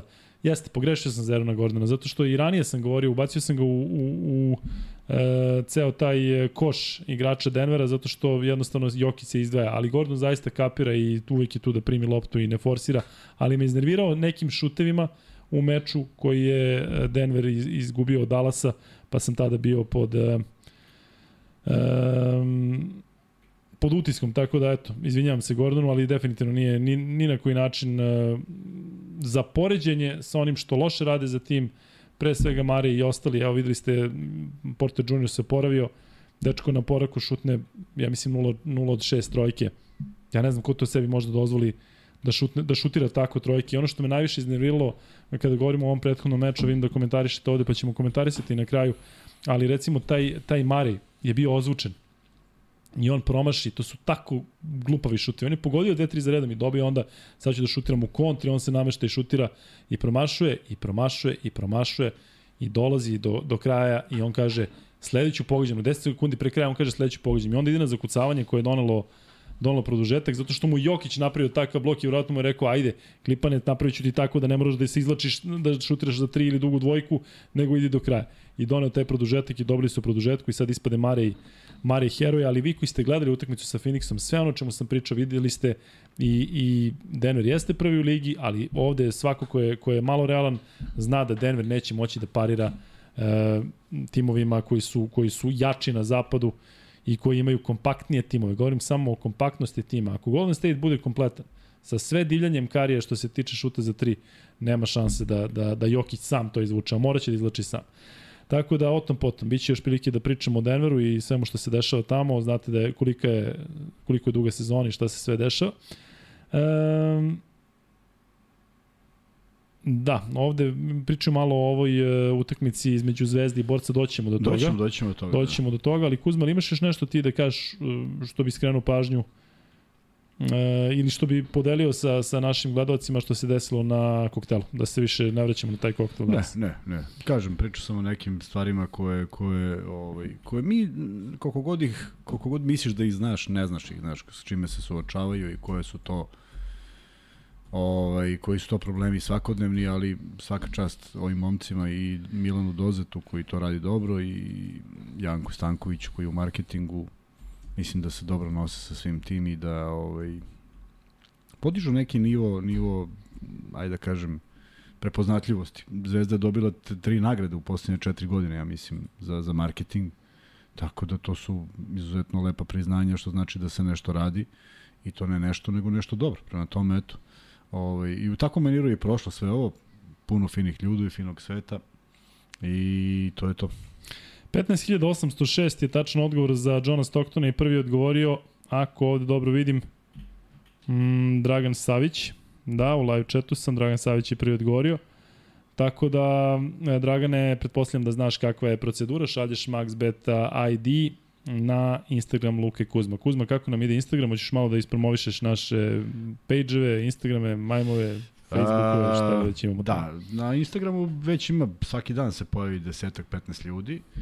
Ovaj, u pitanju je donja crta Luka i Kuzma donja crta, tako ćete nas pronaći. Kuzma je naš Amin, Jeste, tamo, Amin. i Admin i Amin. Da. Znači, I ima, evo sada vidim koliko ima, ima 2707 pratilaca, što znači da je danas 13 došlo, što je fino.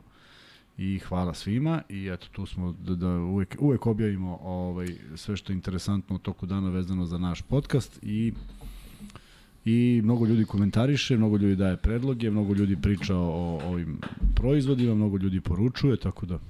Možete da Dobrodošli. uh, pita neko kako da uplati, ne znam da li za Uroša ili hoćeš da doneš nama, kako god imate taj PayPal u opisima To naših je videa. najjednostavniji. Taj Da. PayPal je stvarno jednostavan. Koliko uplatiš, ovde oduzme se neka mala, mala taksa i to je to. Ovo preko četa, hvala svima jer deluje onako jako prijatno dok mi pričamo, neko nas se seti.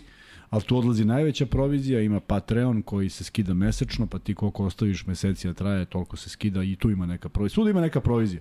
Samo mislim da je PayPal najmanja. A u opisu ispod videa prethodnog, a i dva unazad, postoji žiro računa, koji, to je tekući račun na koji možete direktno uplatiti, možda je i to nešto što je jednostavno, ne gubi se nikakav novac. Da, Urošu, Urošu, Urušu, da, Urušu Tati, da. Amocu, tako. Da. E, dobro. Mm, Kuzma, kaže ovde, loš free bet look. Mateja, slažem se. moglo, moglo je to i bolje, ali najiskrenije.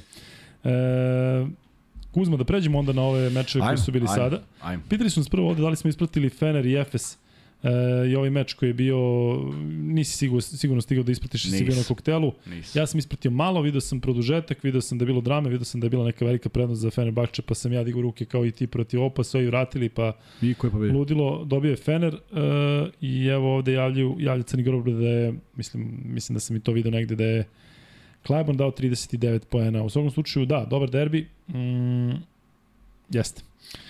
Luka, možda da prokomentarišeš baš to kuc, za kucavanje Marija, ali kuca za izjednačenje, ima još 11 sekundi do kraja. Dobro, nemam problem iskreno sa tim potezom, u smislu da vidu da mu se otvori da ide na na na ovaj na ulaz. Ja tako uzma, ako je 11 sekundi do kraja i ti vidiš da ti je otvoren put do koša i kreneš u drugoj sekundi u smislu ostaviš vremena ovima, ili ima to smisla? I vidiš prodor, ima prodor, nećeš da u čekaš. principu, u principu, ne znam. Naravno, da. a možda ti je namerno ostavljen baš zbog toga, znaš. Da, Ne znam, tu bi se bolje... ispalo dobro. Da. Ali, ali ne možeš nikad...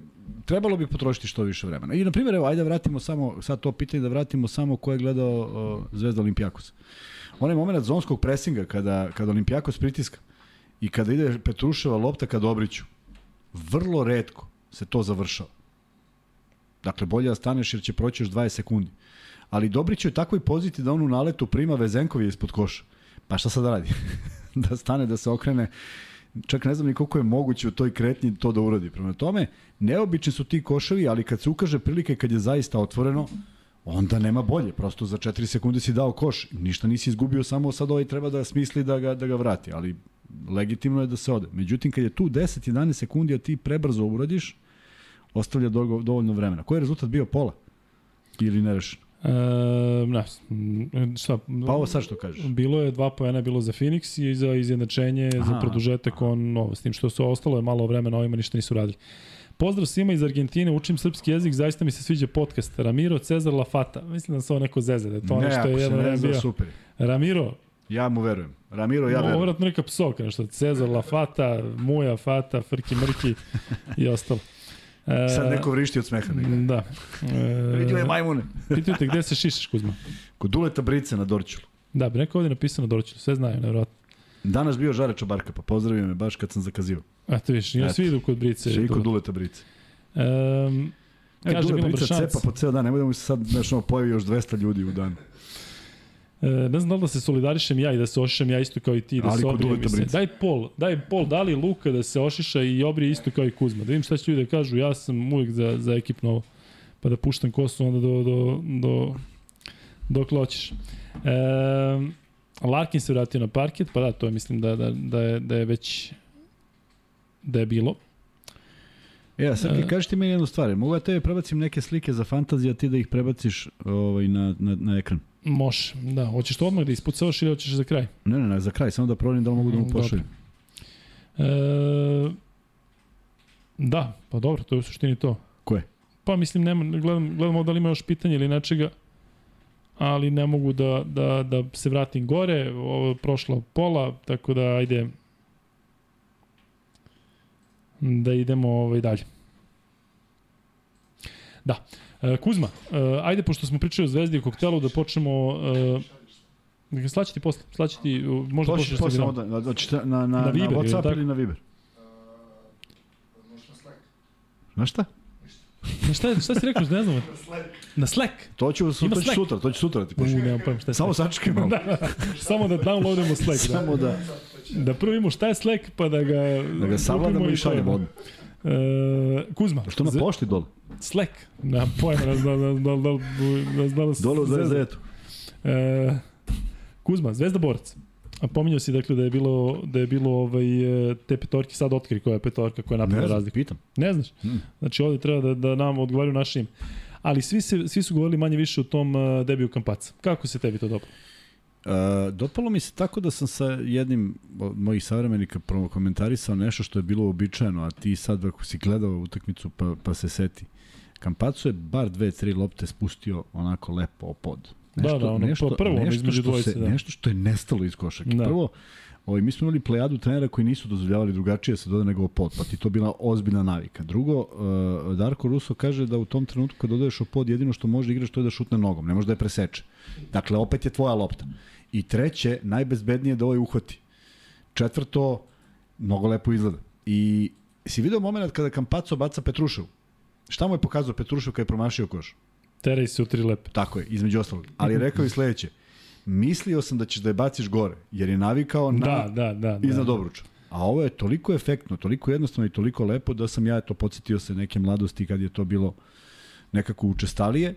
Ne, nisam bio u rangu kampaca, mada ovaj, bilo igrača takvih koji su stvarno tako igrali. A, dopalo mi se zato što je automatski od prvog, od prvog momenta pokazao da ne igra da bi on sad tu nešto izmišljao toplu vodu, nego igra da bi igrao za ekipu. Imao pet asistencije, 11 poena, sve to uradio u nekim malim brojevima. Osetio parket, osetio loptu, e, dovoljno ispoštovao protivnika u smislu nije, nije pocenjivao nikoga ni jednim svojim potezom, odigrao sve ono čime raspolaže sada, ja mislim da može naravno još mnogo bolje, ali to će doći utakmice gde on malo treba i da se privikne. Ovo dobro za uvertiru. I ono što je lepo u momentu kad on pogađa reakcije ne samo navijača, nego i klupe i Vildose i svi se raduju jer dobijaju jedan kvalitet na terenu koji sigurno nije baš nešto što možda nadomestiš tek tako. Jel si očekivao više publike? Nisam, zar nije bilo dosta? Pa ja sam očekivao više. Ne, nisam, nisam. Pola tri, subota. Pa baš zato. Pa jedu ljudi. Pa jedu, ali baš Nije, zato i bilo treba je da... lepo, da lepo su po- lepo Prošlo, pozdravljeni. znaš da protiv Barcelone su nema- karte za nije- pola sata, a protiv Pa Borca poluprazne tribine. pa da, ali još uvek ima i onu kaznu, ja mislim. Ono ograničenje. Pa da, Eto vidiš. zato kad kamera pokaže ne bude, ali bilo je dosta ljudi, više nego obično. Da. Ja mislim da je 5000 ljudi. E, Ima, ima fantastičan snimak ispred pionira, to, sam, to nisam nikad vidio. Celom onom dužinom od glavnog, od službenog ulaza prema, prema Karaburgu. Pravo si, možda ima kazne. nego Da, da, da, to- da, nije, ta, da, tu je bilo poluprazno i jest takav je utisak. E, malo ćemo samo da napravimo e, pauzu, e, zato što kažu Kuzma, tebe sam lično upoznao u Bratislavi preko Olivera Vidina. Aha. E, htio bih vas pitati za mišljenje o premali minutaži Andjušića u Partizanu, da li je to po vama nelogično? Jeste, nismo očekivali Da, i nadamo se da će biti bolje, o očekivali. tome smo pričali i pričat ćemo više kada, kada, Kad budemo pričali o da. Partizanu. E, kaže, brate Luka, ovo izgleda kao zvezdni podcast. Jeste, sada smo o zvezdi podsvetili ovaj deo zato što je Kuzma bio Pa na ovome i sada pričamo o ovome. pričali, ja ni da sam bio I na koktelu prelazimo na Partizana, Partizan. vrlo rado bih pričao o tome. Da. E, I pitaju mene za Kamagata, ja iskreno nisam vidio ništa od njega osim za kucavanje, momak ima fantastične fizičke predispozicije, ako treba takav igrač koji će da kupi lopte i mm, da dohvata, da dohvati svaki aliup, super, ali mislim da su Partizan i Zvezda i trenutno timovi kojima je potrebno više od toga. Sećate se kako je bilo sa onim Kuzminim e, što je došao Dugokosi, bože, kako se zove, što je bio igrao za Banvit, pa je došao e, pa je otišao posle mesec dana, oni su dugim kikama što hvata aliupove, pa ništa drugo ne radi. Sećaš se? A o, što kod, kod Saše? Da, da, da. Kako se zove? Peri, Teri, Teri. Jeste, Terry. Teri, u, kuku. Emmanuel Terry. E, Ne, Jeste, ne da. ponovilo se. da, da. Bilo mi ga žao.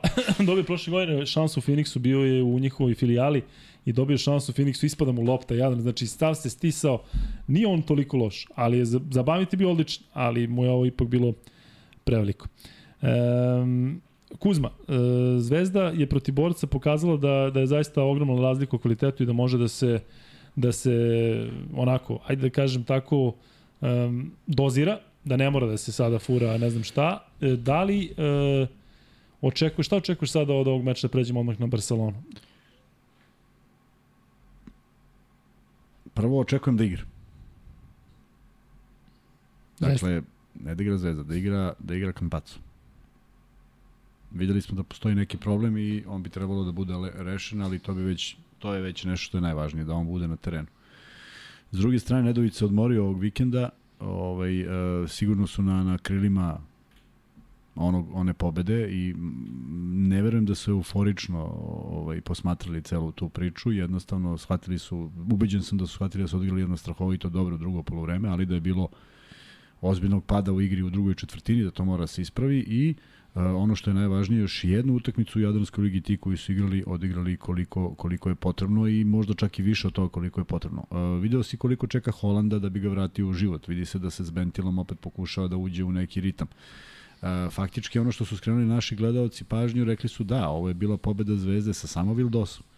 Bentil je dao 6 poena, dao, ne dao, nije baš bilo mnogo protiv Olimpijakosa tog nekog doprinosa. Tako da je to nešto čime, čime se sada trenutno hrane igrači, jer uh, s početka sezone da si rekao da će neko od njih da vodi igru u Pireju, ne bi bilo realno ne. po svim onim imenima, tako da tu sigurno ako proradi taj taj dobar osjećaj, mene bi to, mene bi to, kako bih rekao, prosto ovaj, ja bih poželeo da, da, da, budem, da budem u takvom, da se tako osjećam i da tako igram i da zavisi nešto od mene. I ja sam želeo dok sam igrao da nešto zavisi od mene, da budem na terenu da bi bio.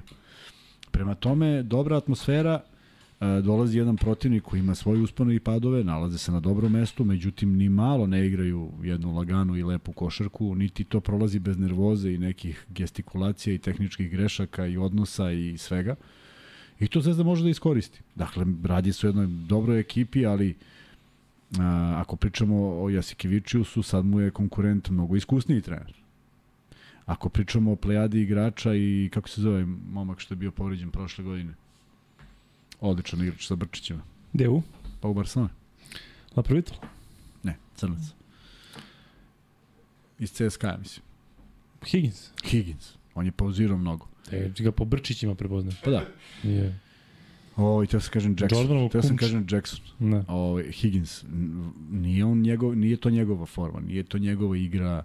Uh, vidi se da se on muči, dakle, to što se on zove Higgins i što ima strahovite sezone, ne bih mu davao mnogo prednosti u odnosu na igrače koje sada Zvezda u svom sastavu ima. Prema tome, e, teško je dogovoriti o nekim imenima, meni je krivo što Kalinić ne igra ozbiljniju ulogu, jer mislim da, da, da zaslužuje apsolutno to, ali to se desi kada ovaj, kada trener ima neko drugačiju zamisao i nema, igra, igra to što treba. Opet, u momentima kad se rešava bude na parketu i sve je to u redu, sve se vrti oko Mirotića koji je odličan, ali i kažem i oni znaju da da pokleknu oni znaju da izgube, Zvezda može da iskoristi, ali bez bilo kakve fore kroz dve četvrtine jednostavno sprečiti da da Barcelona ode na veću razliku, kažem neće to svako dozvoliti da se da se izgubi.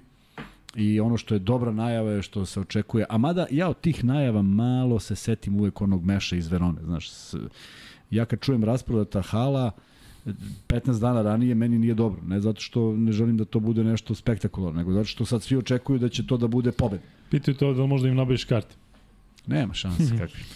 Da, ne, ne, ja sam nabavio tri karte u ponedeljak prošli. A pričao si ti da te zvao milijon ljudi. Da. A utorak je bilo rasprodato. Da, da.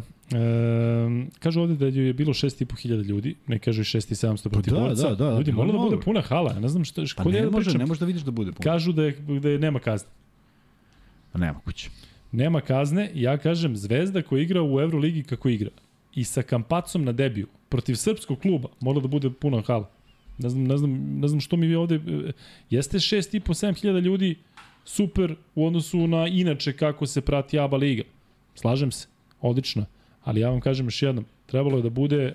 Uh, trebalo da bude puna hala, ne da planu karte kao za Barcelonu, ali dolazi Kampaco, debituje Kampaco, da se pozdravi jednostavno tim posle one pobede protiv Olimpijakosa. Eto, ja ako, ako neko misli da ja grešim, eto, Ja lupam, nema problema, ali govorim, ne poredim sa onim kako inače izgleda u ABA ligi.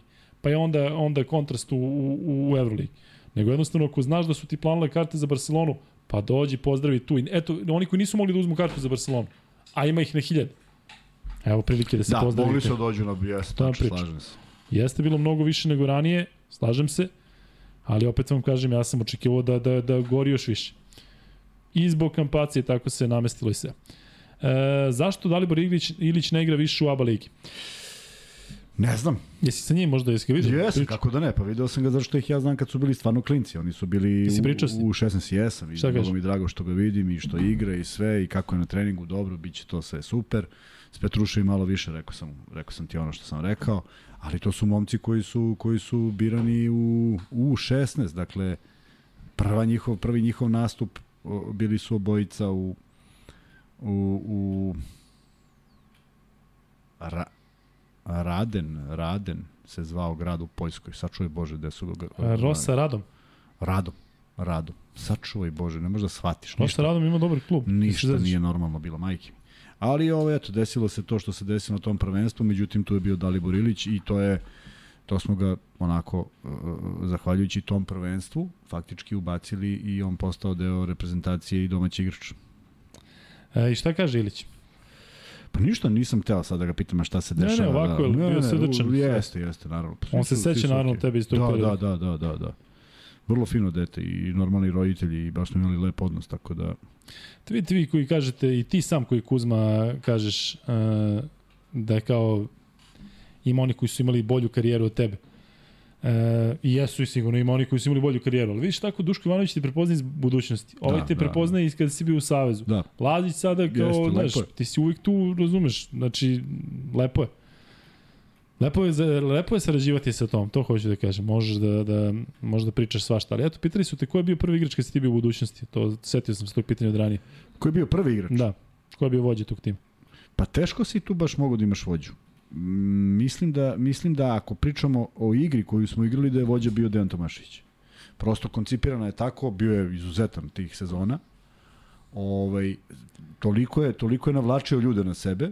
Druga opcija je bio Topić koji je širio savršeno i nalazio se tamo gde treba i od toga, od njihovih kretnji su zavisili svi ostali. Naravno, svako je to podnosio na svoj način. Neko je uspeo da podnese, neko nije, neko se zadržao duže, neko se zadržao kraće, neko je otišao. I ovaj i naravno, ali smo, ali smo u jednom periodu igrali zaista kao sat. Um, da se vratimo još malo na Barcelonu. O, Barcelona izgubila posljednji meč protiv Valencije. Da. I sada će ovo sigurno biti moment kada će pokušati da eliminišu taj poraz, zato što za ekipu tog renomea i tog e, budžeta jednostavno dva poraza, Valencija pa Zvezda, bilo bi onako prilično nezgodno. Sve stoji, ali ja ne vidim Valenciju u, u igračkom kadru iznad Zvezde. Zaista ne, ne, vidim. ne vidi niko, ali Dakle, to je jedna utakmica gde Valencija, gde Barcelona dolazi u goste, to što su oni nervozni i što su možda uknjižili pobedu negde s početka sezone, kako je počela sezona, to je njihov problem. Tako je Olimpijako gleda u utakmicu. Ja zaista mislim da su prestali da igraju negde u 16. 17. minutu, jer su mislili da će biti isu više lako, pa su uzimali neke šuteve koji nisu ovaj, dovoljno dobri. Barcelona ako uđe da nešto mora, a ne bude išlo, to će biti ozbiljan problem, jer deluje mi da ekipa nema, nema tog nekoga. Bez obzira što mi pričamo o Mirotiću, kao da on nije, nije taj koji vodi. I, i preveliku nervozu donosi ovaj, Jasikevičius. Prosto evo sad gledam, sad gledam tog Duška Ivanovića, deluje mi da na 10, 11 utakmica, 12 koliko vodi, nije uneo ni jedan gram nervoze nikom. Tako mi deluje. Mo, možda, možda ja pogrešam, ali prosto njegove reakcije, ono, onaj ulazak Dobrića kad on daje 10 poena je sve samo neunošenje nervoze. A vrlo se eksplicitno zna kad neko pogreši. Nema pretarane drame. Prosto samo se izvrši da, izmena. on nekad i odreaguje onako, ali, ali nije to u smislu da nekom ne, sada... Ne, da. ne, ne. Ali evo kad si tu, Jaskivičius i Obradović stalno ih poredi imaju slične reakcije. Meni recimo... On je učio da i gledao njega. Ali nije isto. Nije Obradović to radio E, sa Partizanom kad je imao godina koliko ima Jaskevičius, ja da, ja mislim tad je da bio još mlađi, ali ja mislim da je, nije primeren. Jeste, ja mislim da nije primereno, ali je on shvatio da tako treba. I sad kad je u Žalgirisu, neko i kaže da to tako treba, jer oni verovatno tako doživljavaju legendu svoje reprezentacije, košarke litvanske i onda ćute. Ali vidiš da izlazi do nekih, dolaze neke situacija da neće svako to da, da trpi i na tome se vidi nerezultat Barcelona. Može neko to da prikrije i kaže ja, nismo bili dovoljno dobri ili ne znam šta, ali moguće da je to posledica. Jer Kalates nikad ništa nije rekao ni za koga. Doduše bio je dugi niz godina kod Obradovića, ali nismo čuli od njega bilo šta. A ovde je rekao neke stvari koje su isplivale i koje sigurno ne budu da budu prijatne. Da li su istinite, ne znam. Ali... Ja Kalatisu verujem iskreno. On mi ne deluje, ne deluje mi kao tip pa, koji ide tako ko James, pa posle piše po Twitteru pa, i pljuje sve. Dakle, jednostavno momak koji ja koliko znam i na Floridi dok je igrao, i na koleđu i u klubu i u NBA ligi gde je bio, nije bilo sa njim nekih problema. Ni u grčkoj ja reprezentaciji, niti bilo gde. Ja mislim. Tako da, ovaj... E, ali ima još jedan detalj koji sam ja često spominjao. Uh... Ajde. Da si sad zapeo, kad svi čekaju? Ne, samo gledam pitanje. Uh, gledaj, ja sam u jednom trenutku rekao, jer me je isuviše mi je skretalo pažnju njegovo ponašanje prema sudijama. Dakle, kad vratiš njegovu karijeru pre Barcelone, u Žalgirisu, Ja mislim da je on gro vremena provodio u razgovoru s sudijom. Od toga nema ništa. Od toga generalno nema ništa. E, slažem se da je, da, je, da je temperamentan i sve to, ali prosto u nekom momentu moraš malo da, da, da koriguješ neke stvari. E sad on to jeste korigovao, ali je došao u klub koji je njemu ogroman izazov i on po svaku cenu želi, želi da uspe. I onda kad po svaku cenu nešto želiš, možda praviš i greške. Možda praviš greške koje nema ko da ti kaže ili ti neko kaže da ti ostaješ tvrdoglav, ali ne deluje mi ono kao srećna ekipa izašla i oni sad kao, znaš, igraju neku košaku. Deluje da su u nenormalnom grču. I deluje da redko kod njih eksploatiše tačno ono što, što može. Tako mi izgleda igra Barcelona. Tvrdo oni odigraju. Pobede oni na suvi, suvi kvalitet. Ali ne deluje to kao neka lepršava igra koja je obećao. Da, ovde vidim da i dalje pominjate Zelera da je slobodan agent i da se nešto Ko? piše, ko, pa taj kod iz Zelera u kome sam pričao, i kogod je slobodan agent sad se priča da će doći u Zvezdu ili Partizan. Moram da kažem moje mišljenje što se tiče Duška Ivanovića i Amerikanaca. Ja moram priznati da ne pamtim veliki broj Amerikanaca koji je kod njega igrao dobro. U smislu, zato što i on je sam rekao da više voli Argentince. Mislim da mu oni više leže u smislu uh, kako treniraju, kako se ponašaju. Amerikanac kada dođe, uh, posebno ovako je recimo dajemo primer Kodija Zelera iz NBA ligi on mora da se navikne na milion stvari. Mnogo mu je da se navikava i na, na to da mora kod Duška Ivanovića prvi trening, prva utakmica kao da ništa od karijere ne postoji ranije. Tako da, eto, e, ne pamtim naravno od Duška Ivanovića kada je vodio Freiburg, ali što se tiče e, Baskonije u 3-4 navrata, Barcelona u tom periodu, ne sjećam se da je bilo puno Amerikanaca koji su dolazili i koji su se izdvajali e, kod njega. Više pamtim Argentince, više pamtim igrače iz regiona. Tako da ja iskreno mislim da nije pametno dovoditi, dovoditi tako igrače koji nisu svesni gde dolaze, kako dolaze, šta se očekuje. Mislim da su to preveliki eksperimenti, tako da eto, to je, to je moje mišljenje, posebno kada govorimo ovako o Kodiju Zelleru i o, o sličnim imenima. Kuzma, bilo je pitanje koje ću sad naći e, za momka kome si dao prvu asistenciju. Kome biš? Džangela, ti to poznam? Evo ga. da li se Kuzma seća svog sagrača iz OKK Beograda? Milutina Nikolića Džangera. Kako se ne seća? Kome je, kako piše, asistirao za prvi koš u karijeri. Stvarno? Ne može, ne mogu za prvi koš. Kome? Ja njemu? Da, ti A, Džangeru. Moguće, da, ja Džangeru da. Ne moja prva asistencija. Moja prva asistencija ne, ne, Džangeru. Ti da, si da. njemu asistirao i ne dao prvi koš. Jeste, jeste, da. da. Etiš, pa daj malo Džangeru ispriči sad. E, Džanger je bio, da ne bude smo samo zvezdni podcast. jedan potpuni ludak košarkaški neverovatno talentovan na potpuno pogrešnom mestu. Dakle, Beograd, OKK Beograd nije bio mesto kojem je potreban jedan takav tip igrača. Uh, Džanger ima 2-4, na primjer. 2-3, 2-4, 2-2, 2-1, nije važno. Igrao je na poziciji playa.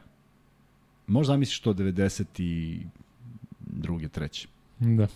I to radio fenomenalno, a mogu je da igra od 1 do 4 ali prosto ambicije kluba da razviju Džangera ili bilo koga iz te generacije ili bilo koga iz naše generacije nisu postojale. Tamo se igrači nisu razvijali.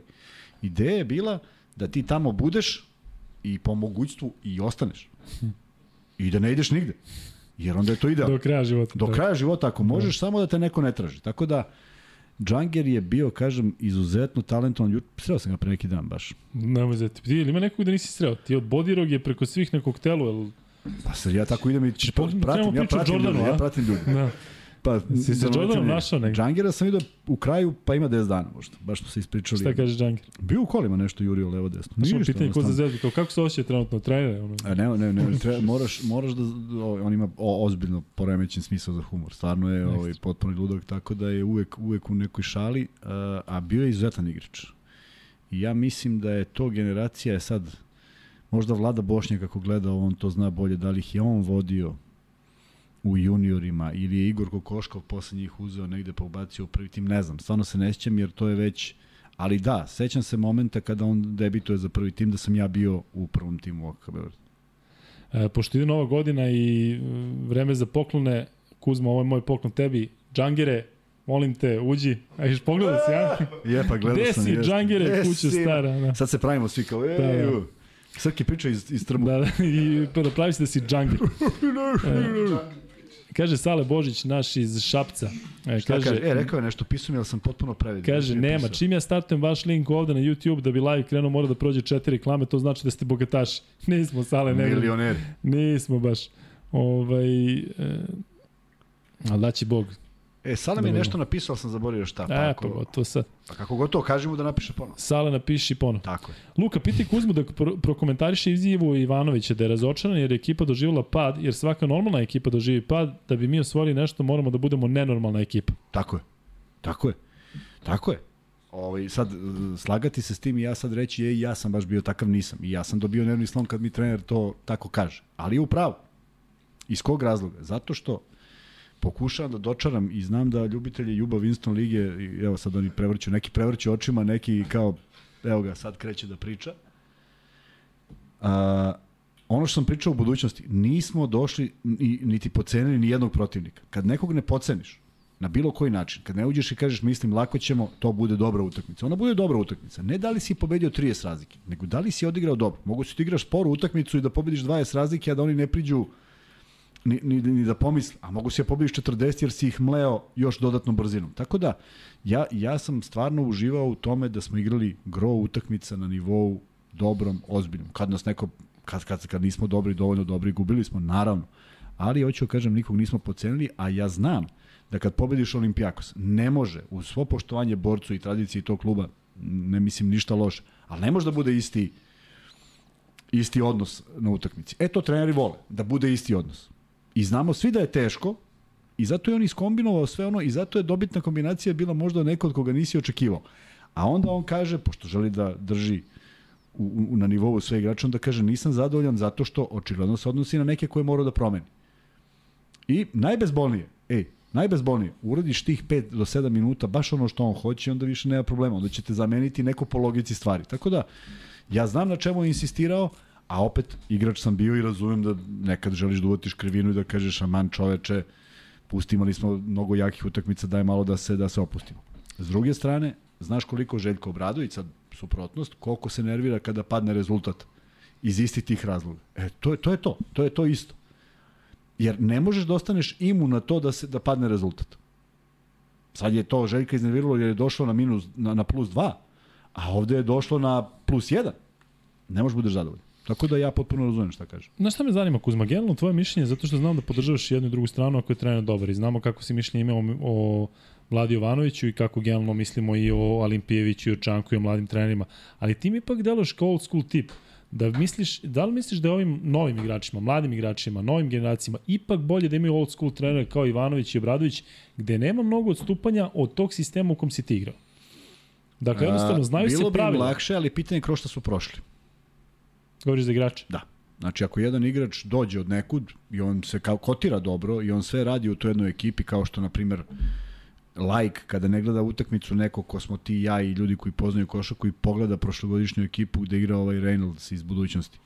Cam Reynolds. On Trent. kaže, pa ovaj čovjek bre sam igrao, nema, nema kome da doda. On ne do, doda zato što nije normalan, ne zato što nema kome da doda. I onda neko kaže, pa eto, da je, da je svako igrao kao on.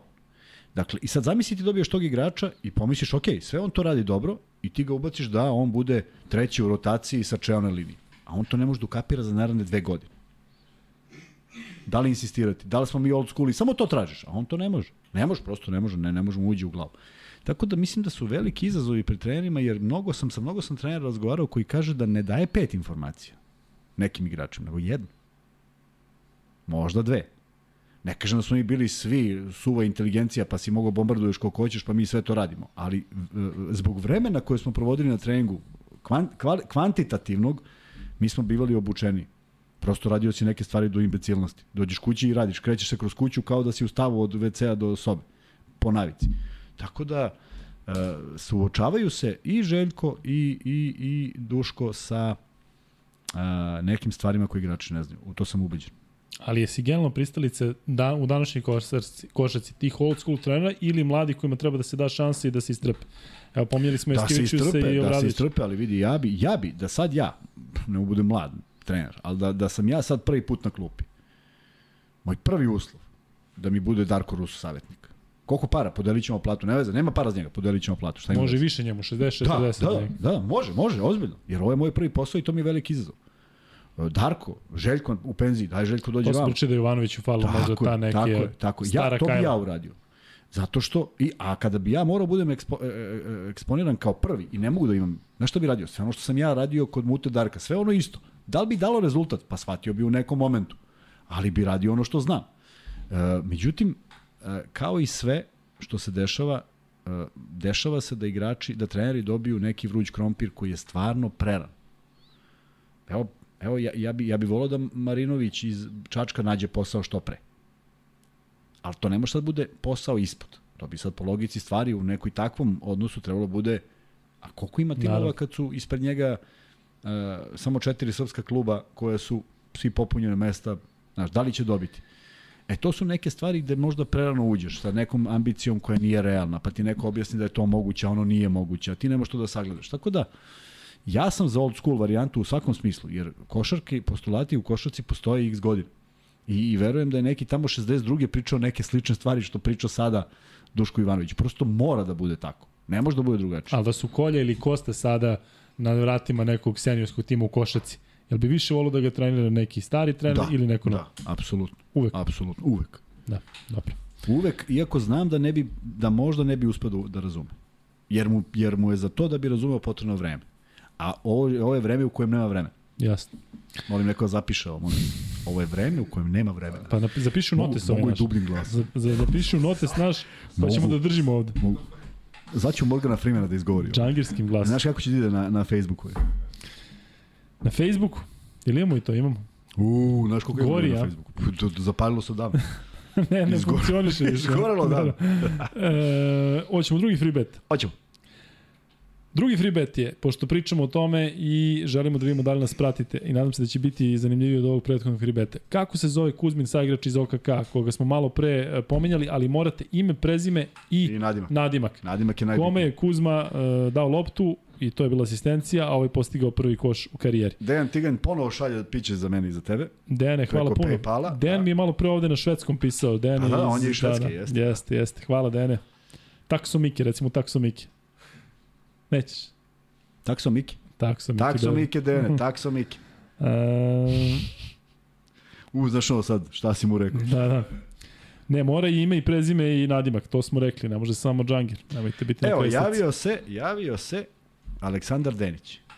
I kaže, Marković, Dobrić, Holand, Lazarević i Petrušev. Eto ti. Aj sad, kaži mi, šta sad ti hoće da mi neko tu od svih ovih kaže, da, da, sa Holandom se pravi razlika ne pravi se, nego je on, evo, kaže, zapamtio si jer je neki dečkić od deseta godina sa, na tribinama iza mene komentarisao kako je to najlošija postava.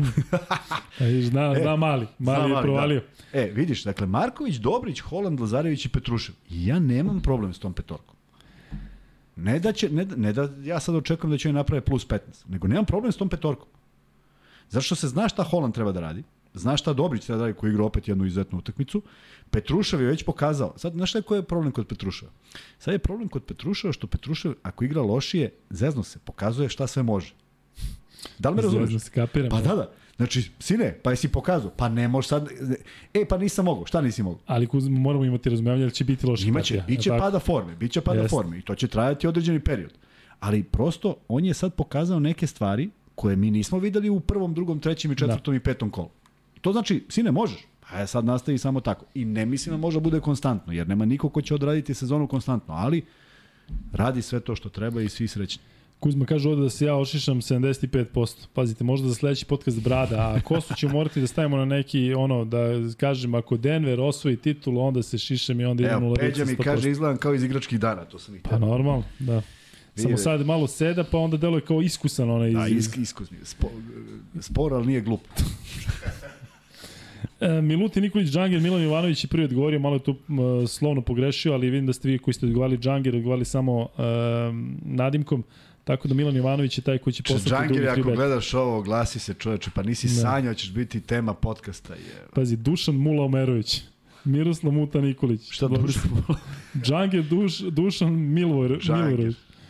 Denis Rodman Džangir, baš dobri fora ima. Nikola Milutin Džangir. E, Kuzma, za kraj ovde što se tiče Zvezdi Barcelone, da kažemo prvo, ono što može da bude jako bitan faktor. Miloš Jeftić koji Šta kažeš? stalno, jel Miloš Jeftić stalno donira, jel tako? Jeste iz Švedske. Pozdrav da. ljudi, kad je 112-ica? Traje, traje Miloš. E, Kuzma, ti znaš da, da Barcelona igra u sredu Da. u ACB ligi protiv Da. Saragosa, Da, Jovića i da, Bariša Simanića. Pa daj da zovemo da ih tamo, da, ih, da im uleću klizeći i već smo ostalo. zvali, s koktela smo zvali. To.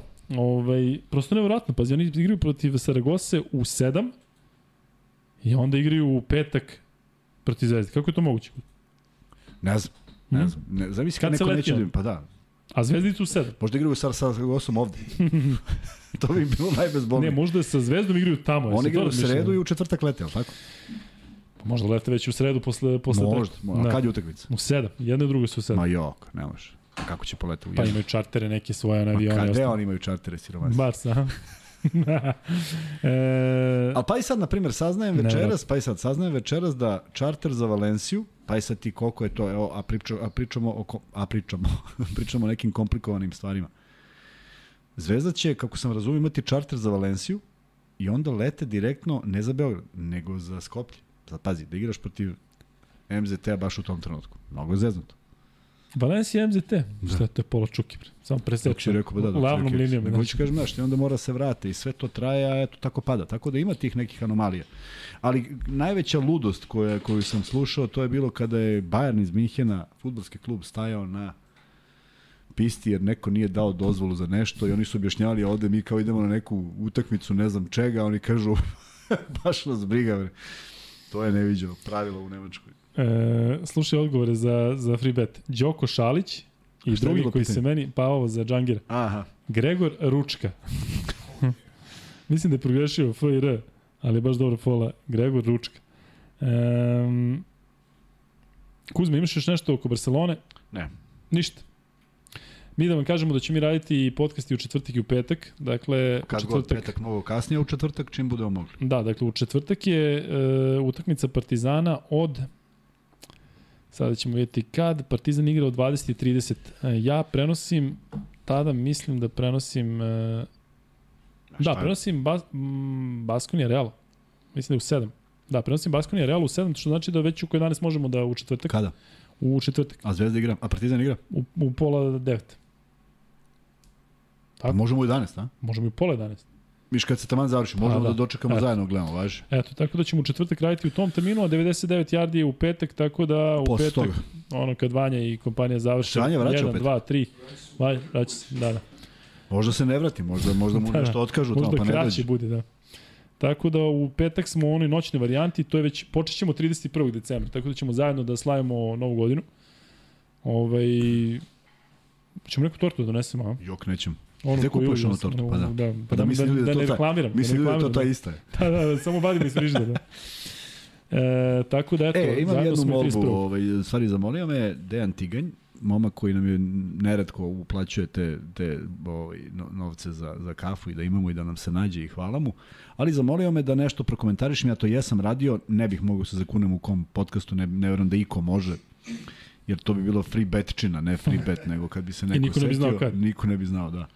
Ovaj, da, da prokomentarišem Balšu Radunovića, pošto sam malo prepričao ovaj, o sastavu Podgorice i sad De Džangir tu i Balša Radunović. Pa da, nema šta. da, ali e, stvarno se radi o dva izuzetno talentovana momka i prosto ostaje jedan velika, velika, velika žal. Žangir nije uspeo zato što je bio, kažem, na lošem mestu, u lošem trenutku i OKH Beograd nije bio ti- e, tim koji eksploatiše i želi da napravi zvezde od svojih igrača, niti ih je to zanimalo.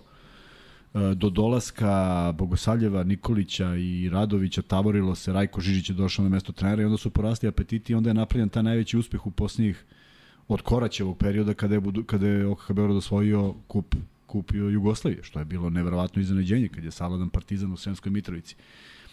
E, i tu je bilo apsolutno prostora. Pazi, još prefiks, omladinski košarkaški klub. Znači, možeš da imaš, bre, decu ako želiš.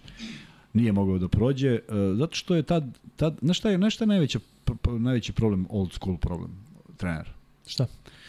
Naprimer, e, e, čuo sam anegdotu kad je Kuturović došao kod Bože Maljkovića i imao je, bio, imao je šatiranu kosu. I Bože Maljković ga je predstavio ekipi i na kraju rekao Dejane, ovo su tvoji saigrači, Dejane, frizer je preko puta i može da počne trening. I sad on zbunjen što mu je to rekao. Dakle, nije bilo moguće da imaš bilo šta što nekome upada u oči da ti tu nešto štrčiš, jer to je old school. E, tako i Džanger. On imao 2-4, bio na mestu playmakera i lud, potpuno. Njegov humor je neverovatan. I sad zamisli ti da neko to toleriše. Od tih, od tih trenera. Jo, bre, kakvi pa jesi lud. Nego da se vrati na Balša Radunovića. Zaista, evo, on je napisao, o, o, o, kaže, mogu da bude crnogorski kukuč. Balša Radunović je mogao da bude crnogorski kukuč. Takav osjećaj za loptu, takvo telo. Telo, opet ja o telu. E, 2-7, ne, ne, ne, Pričam malo o telu. 2-7, mršav, mršav, mršav. Jeste, ali on je uvijek bio mršav. Jeste, da, da, da. On i kasnije bio mršav. Leluja, ej, znači, ne. a pritom provuče se da god hoće. Ja imam meku ruku. Brz, meku ruku, brz. Nije on bio neki odvrmen igrač da ti sad možeš ga nateraš. Prosto on je toliko visok da ti kad misliš da si sam on skoči, to, to ti ozbiljno smeta. Vraćao ljude, blokade imao, protiv Reala imao neko monstruozno, monstruozno zakucavanje. Te tačno misliš sad mu kreće i nešto se dešava. Nešto je tamo njega kočilo, ja nikad nisam uspeo da dobijem smislan odgovor. Neko bi volio da kaže pa imao je ne znam oca zbog ne znam čega, ovaj mu kaže pa nije, nego pritom njegova sestra Bože, stavim mozak, kako se zvala? Radunović. Poznata bi igrala za... Sad gledaš za... mene, kako da ja da znam kako se baš na sestre zove. Kako mi stava mozak. Na B možda. Možda je. Bože, setit ću se negde u nekom momentu. Znaš, negde za 12 podcasta. Kao, znaš kako se zvala? ja, zoveš mu u sred noći. Daj da ti javim. Elem, ovaj, uh, mnogo mi je bilo lepo s njim da se da, da, da igramo, imao je fantastične utakmice, razumeo je košarku i uh, krenuo je jednu strahovitu seriju kod Mute Nikolića 90, sezona 98, 99, kad mi saznajemo iz žurnala, ne znaš ko je, nisi ga gledao. A on 21 poen prvo kolo.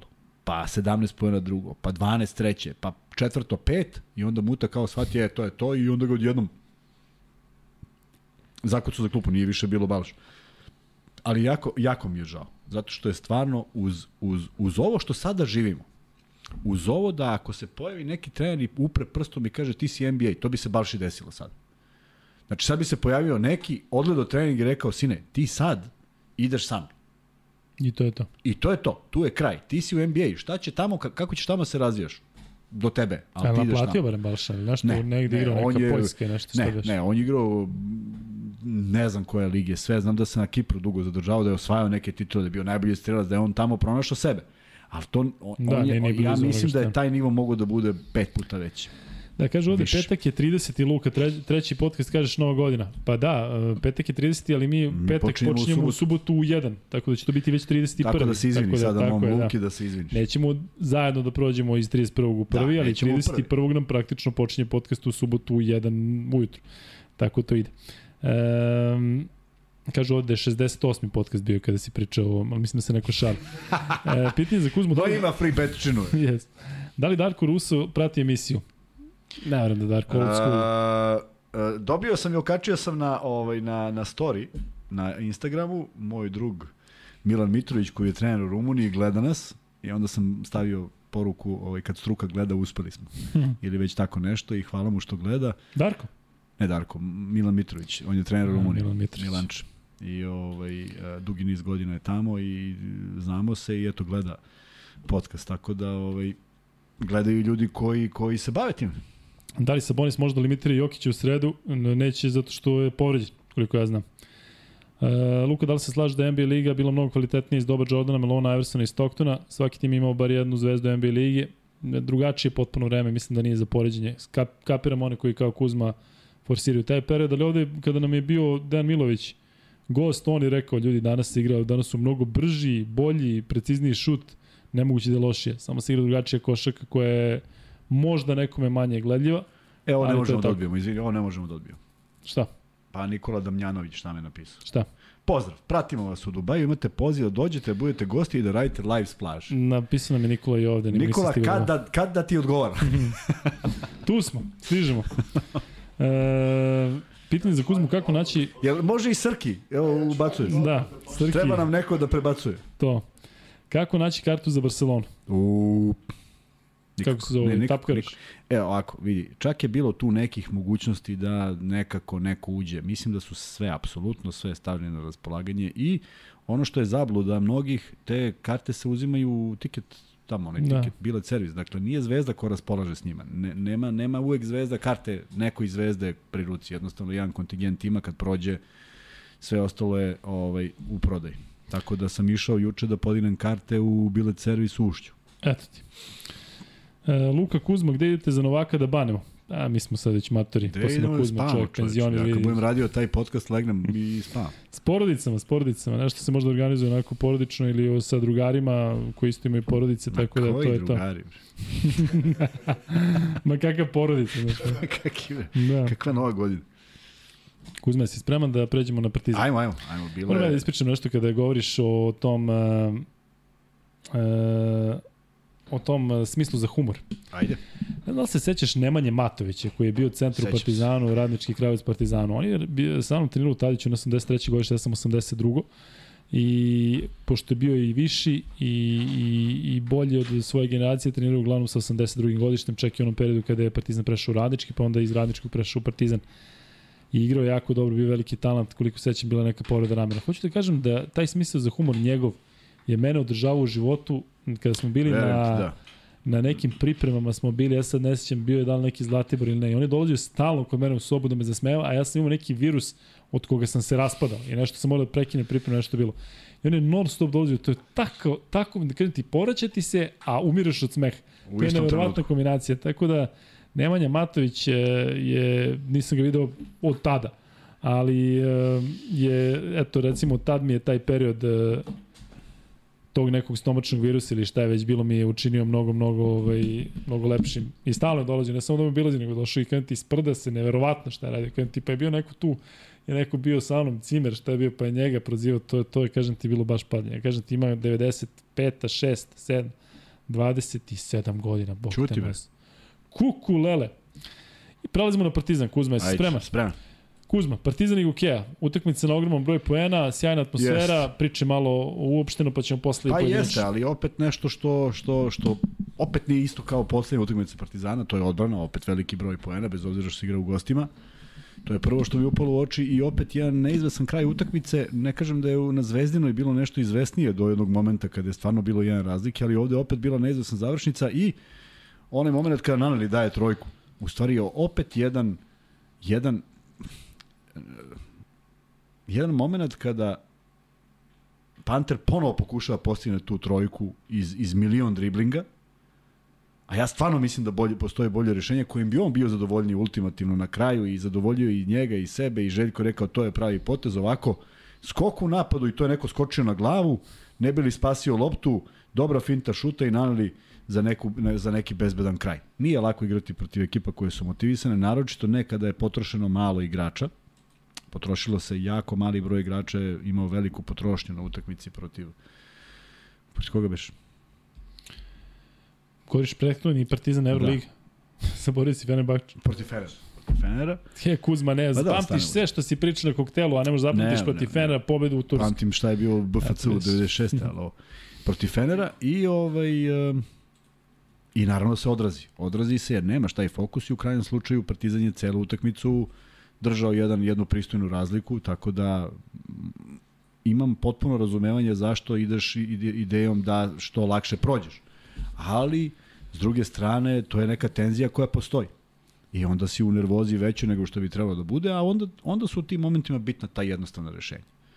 I kažem, voleo bi da je, da je Panter, koji je odigrao izuzetno dobru utakmicu protiv Fenera, bez obzira što je promašio tri trojke, da je on odigrao sada, Da ti ne moraš ponovo korak unazad da mu objasniš, ej, pa treba da ideš na dva, kad si dobar u tom. Ali on je odigrao dobro, on je odigrao sad dobro, ima četiri trojke i šest pokušaja, ali ja mislim da on kupuje tako kredit za taj posljednji šut i meni je draže da ga šutne protiv Goke kada, Okej. kada ne zavisi toliko Ok, i kada ali je mnogo već... je driblinga, nije to Jeste, bio jeste, čist, jeste. opet je to ali bilo ako, preko čoveka. očigledno da kod njega to mora da se istrpi u nekim trenucima. Pa bolje protiv Goke u ABA ligi kada vodiš i A kada nije stani pan. Slažem se, ali nestrpljivo, nestrpljenje je Jeste. bilo veliko, znaš, nestrpljenje, Nedović ima nestrpljenje u reprezentaciji, Dobrić ima nestrpljenje, znaš, nestrpljenje se vrlo brzo pojavi. Vrati se to na normalu, ali sada kada pružiš jednu takvu partiju u ovome protiv Fenera i odigraš nešto gde ja, samo ja, kao čovjek koji radi ovaj podcast, a ne navijač Partizana, dobijem poruke, ej, si vidio kako je kako je dobro odigrao, kako je e, racionalno trošio lopte, pa hajde onda uradi to i sad. Da, znači da može. Znači da može, upravo to. E, Naneli je odigrao dobro, dao je Jeste. 18 poena i Naneli je bio dobar. Meni je drago što Naneli a, podiže formu i to je potpuno očekivano posle one trojke koju je dao Efesu. Dakle, Tako je, videlo se da prelomio je on, jer je on bio- sezone, jest. on je bio sav u Grču. Jer je on bio u Grču, dva bacanja. je Baskonija, pro- pa promašiš bacanje protiv Asvela, dakle ono Tako je stvarno Ostane negde čak i najiskusnijim igračima, znaš. Ostane Jeste. ti to negde zabeleženo, Kako znaš ne. da nešto nisi uradio, a trebalo je. E, Lesor je odigrao A, opet dobro, da. E, ali e, Kuzma, mene najviše raduje e, tih Uruševih 12 poena za 19 minuta, on je pogodio dve trojke, Je li to možda znak da od njega treba da očekujemo više? Jer se, Ma- evo ono čemu pričamo, da li se sad izborio možda za koji minut više u Euroligi? on mora, on mora da se izbori odbranom. Zaista nije to neka neka floskula kao, znaš, samo ti igraj odbranu pa će doći napad. Ne, zato što aj vraćamo sad ovo. Evo vraćamo sad ponovo samo paralelu pravim. E, petorka koja je donela prednost Zvezdi je što bi rekli iz defanzivni sastavljena od defanzivnih igrača. Ja tvrdim da sa ulogom defanzivca da se podredi uh, Trifunović, još jedan igrač, imenuj ga, bilo ko, Avramović, ne ide na koš, ne ide mu, tek se vratio iz povrede, oni, i ova trojica igraće bolje. Igraće bolje ako zna svako svoju ulogu. Mene, meni je drago kad neko njegovog profila i njegovih godina postigne 12 poena, ali ne mislim da je presud. Mislim da Partizan u svojim rukama ima dosta poena, ali nema dovoljno čvrstu odbranu. A on kad bi podigao odbranu na taj nivo, da on... Koga je čuvao direktno? Gde, u sad protiv Ikea? Jeste. Pa nas, još. Pa je, ajmo da pretpostavljam. Znači, evo, sad ja pitam. Uh, Trifunović dao 12 poena, a čuvao Crawforda. I šta sad? Ovaj dao 26, pa šta sad? A zamisli da je Crawford dao 10, a Trifunović 2, a, a nije vidio koš. O tome pričam. Jel misliš da bi to recimo Željko video, pošto navijači ne bi videli sigurno? Željko bi video. I Željko bi onda mogao kada pravi izmenu i kaže čekaj sad moram nekog da rasteretim zbog faulova, zbog umora, paf, sine, samo to. I ovaj ne vidi koš. I sve onda u napadu je plus. Je tako? Sve je plus, uj, te kakav plus. Ali ne vidi koš na nivou uh, uh, Lazićeva tri faula ako treba brza. Ali ne glupa. Ne ova izlazi iz bloka na 12 metara, on napravi faul. Ne to. Nego, ajde vratimo samo na Olimpijakos. Lazić tri puta fa, pravi faul na preuzimanju u momentu kad ovaj treba primi loptu. Šta ćeš lepše? Mislim, šta ćeš lepše? Najbolji moment. E, to je ono, to je ono zašto ti treba tako jedan pouzdan igrač. Ja, ja ne sumnjam da Trifunović to može. Ali, i dalje mislim da se više nervira kad promaši trojku, nego kad mu čovjek da koš. Da. E, Kuzma, što se tiče Andjušića i te e, male minutaže, šta Da, ćemo, jeste, šta, šta ne tu znam, raditi? Ne znam, ne znam. I ovde je bilo iznenađenje, ipak, e, kako Sad bih rekao, 7 minuta samo na terenu da, protiv UK. Da, da. Malo je sve to čudno i negde, negde sad, znaš, mi ne znamo kako to funkcioniše, ali tu može da se stvori neki, neki, neka loša energija u njihovom nekom odnosu. Ali izvini, bilo bi mi jasnije da ne igra. Pa znaš, ne igra, pa sad ajde možda, znaš, Ne pa zaista, se tu ovako, je sve čudno, ovako kao zato da je on za, za desetak minuta je planiran. Za Ali toliko. vi- vidi, vidi šta je, vidi šta, šta je jedina zabrinjavajuća stvar. Ja, ja zaista sam mislio i kad je bio naš gost i zaista mi je bilo drago da neko ko je okusio Euroligu u drugim klubovima dolazi da igra za Partizan. To mi je potpuno onako jedna dobra priča. I on je ovde pun samopouzdanja bio. Ali stvarno su njegove utakmice nisu, nisu, nisi mogao da pričaš o dve utakmice, nego si pričao o dva izdanja, o fantastičnom i užasnom u istoj utakmici Da. otvori je sa dva, tri loša pasa, a onda da 12 poena u jednoj utakmici za, za, za 4 minuta. Mislim, neverovatno čime raspolaže. E, naći mu neku drugačiju poziciju, naći mu pa ajde, ajde, ajde, ajde sad da pogledamo opet. Znam da će navijači Partizana da ovaj Da polude, a? ne da polude, nego će reći što stalno priča o Zvezdi. Ali evo ovako. Ako je neko krajičkom oka pogleda utakmicu protiv uh, borca, Zvezda borac, šta je radio Holand? tražio dobru poziciju i kad primi pali, je tako? Dobro. I ako se tu bude pronašao, to je pun pogodak. Jer to je ono što on najbolje radi. Ako se ne bude pronašao, sigurno neće biti organizator igre, driblati i tražiti nekome da asistira, pošto se to od njega ne očekuje. Dakle, njegova uloga je, ajde tako da se izrazim, svedena na minimum. Da uradi ono što se od njega očekuje. Možda, možda postaviti uh, Andjušića u taj ćošak sa idejom da postoje 3-4 pasa koji idu tamo i nedvosmisleno kao u NBA-u, ono što kažu, e, sine, sad šutiraš odatle, ne ideš na ulaz, ne ideš ni na šta, jednostavno dižeš tu trojku i ako si majstor, a ja mislim da on to može da pogodi, samo bez nekog kreiranja i bez nekih dodatnih stvari. Da li je to u ideji njihovoj, da li tu postoji nešto što mi ne znamo, verovatno da se na treningu sve to vidi, ali žao mi je što ne igra. Mislio sam da će biti zaista neko ko donosi razliku. Jer opet pogledaš, Lesor 27 minuta, Nanli 29 minuta, Panter 24 minuta. Ipak je to utakmica gde si mogao malo da, da, da pa pa Petru bez učinka skoro, ovaj, ako ne računamo skokove, što nikad nije zanemarujuće, ali i on 20 minuta. Da, da. Znaš, malo je, malo ne, to je to sa mnogo. Papa Petrom već, već malo počinje da onako Baš oscilira iz, iz, iz, Zeza. iz utakmice u utakmicu, da. delovalo je protiv Zvezde da se vraća i da će ne znam šta, ali, ali eto, to čak sam ja postao skeptičan da to može da se pretvori u nešto, nešto dobro. Čak ja mislim da to što ti pričaš da je za njega recept, da se on fokusira samo na odbranu. Ozbiljno ti kažem. Dakle, on igra odbranu dobro. Ko? Pa, pa Petru i da možda ne očekujemo od njega previše u napad. Dakle, on nije više onaj tip igrača koji u Panatinikosu će da bude prvi strelac i drugi skakač i asistent. Samo je jedan problem. Samo je jedan problem. Tog igrača ne dovodiš za to. Ništa više nemam protiv. Da pa, da. Petru Ali bude sad samo u ovoj situaciji, to U ovoj moguće da situaciji- se... U ovoj situaciji da. Da. I kažeš, ok, ne očekujemo ništa, očekuješ ono ispred. Ne mora ni da se igra za njega. Nek uvati otpadak i neka ga da. Ali samo je onda pitanje, čekaj, doveli smo ipak igrača sa drugačijim profilom. Da. Samo je to problem. Ja nikad ne bi doveo tog igrača.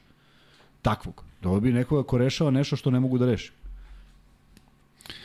E, da li bi Andjušić trebalo da ima ulogu kao Rudi Fernandez? Pa dobro, nije po godinama, Rudi ulazi da bi Da, da, odigrao Rudi, ono, da, da, da. da, on uđe da da trojku, Mislim da, da da ovo nešto napravi, više, neku da, da. epizodu. Andjušić je trenutno, ja mislim, na vrhuncu svoje karijere i on je ovde rekao, kad je bio kod nas, rekao je trenutno igram najbolju košarku u karijeri. Tako nije, je. nije I mislim, dobro za se poređenje. osjeća i sve, da. E, Kuzma, da se, dok se ne vratimo na Partizan, reci mi kako komentarišeš e, e, Stefana Đorđevića i I njegov učinak. Tanaskovića koji Da, su odigrali jako da, dobro. odlično. Stefan, Pa- Stefan fenomenalan, ali i Tanasković sa 9 pojena, 7 skokova, 3 asistencije. Tako je, odlično. Pa vidi, Tanasković je dete Partizana i sigurno Tako je, da pokaže. pitam. Đorđević, momak koji igra u FNP-u, pa imao drugi razlog za rivalitet. Vrlo nezgodan levak koji je ovde odigrao odlično, prosto ovaj neverovatni brojevi e, za njega, međutim nešto ne ja nisam ili nisam ispratio, ali njih ima jako malo. Dakle oni igraju sa 9 igrača ili 10 igrača, već nema nema tu neke velike rotacije i to onda zna da zna da zamara. Prema tome e, bez jednog bez Boškovića koji nije igrao, ostalo je još samo 9 igrača. I treba podeliti minutažu protiv Partizana. Nije to lako. E, možeš da staviš e, Srki Pol e, za koga navijate, to je Pol koji inače imamo e, na početku, ali stavi sada da vidimo kako se, e, kakav je odnos snaga. Za koga navijate, pa staviš samo Crvena zvezda, Partizan, I neko treći. neko treći, tako da to kad stigneš. E, a vrlo bitno pitanje je za tebe, kaže Kaži. meni Miloš, kaže, Kuzma, molim te, piti Luku, da li misli da Željko ima problem sa prilazom mlađim igračima Partizana? Ne u stričnom smislu, već zbog generacijskih razlika. Eto, to je pitanje za tebe. Mislim da nema, ali mislim da nema ni mnogo igrača koji su koji mogu da se nazovu mlađim. Kuzman, mi možemo da, da, da, da mlađim da, ali da li možemo da zovemo igrače mladim kao recimo što je Uroš Trifunović? Možemo. Možemo. Pa šta je onda mali Đorđe ovaj? Mlad isto. Pa da li je 3 godine mlađi, 4 godine Znam mlađi? da jeste, ali vidi, uh, Uroš Trifunović ima sreću da je bio pod, sa, sarađivo sa određenim trenerima. O tome pričamo, oni nisu sada Tako. kod Željka prvi put, Pa, pa nije to taj isti, Vidi, isti odnos. Vidi, mi malo, mi malo zaboravimo šta znači mlad. I kažemo svi su oni bili mladi. Nisu svi. Jesu Kukuč i Rađe. I jeste Divac. Ali, na primer, Danilović 91. ima 20 godina. Je li to mlad ili nije mlad? 21. Je li to mlad ili nije mlad? Naravno da je mlad. Pa, zato kažem, šta, šta Ali je Danilović bio vodeći igrač šampiona Evrope. Upravo, slažem se, nego hoću da kažem, m, e, e, neko, neko i sazri po igri drugačije, Da. neko to ranije, neko, a, nije baš bilo mnogo 16-godišnjaka koji su igrali ovaj, na vrhunskom nivou, Dražen Petrović pa Dončić i ne znam da li ima treći, ali ali hoću da kažem da ovaj da, da, da, da, da, da je vrlo bitno s kim je sarađivao, s kim je radio i da li se ja mislim da se negde do sve nekog ja mislim da je 23. godina neki moment kad kažeš čekaj sad sad bi trebalo nešto da znam. Pre toga i možeš da ne znaš. Ali u 23. mi se čini da je moment da ti kažeš ok, sad počinje moj uspon. Više ne može dole. I šta si uradio dotle mi nekako deluje da, da možeš da nadogradiš, ali ne da promeniš mnogo toga. Znaš šta je, meni deluje da kada imaš, kada stekneš neko iskustvo, da ne možeš da nazivaš mladog igrača mladim igračem kao recimo ni Tristan Vukčević, ti si bio u Realu. Ti si pa, s Realom igrao Euroligu. Pa sigurno, I sad ti treba da. da, da se ovde gradiš kroz ABA ligu pa, da dobro, nešto. Sigurno, on je bio starter. On, ima, on je 2000 godište. Da, on je, ne, on je mlađi. 2002. 2002. ili 2003. čak. Ali svejedno, govorimo o tome da je on bio u Realu i bio starter u Euroligi u Realu.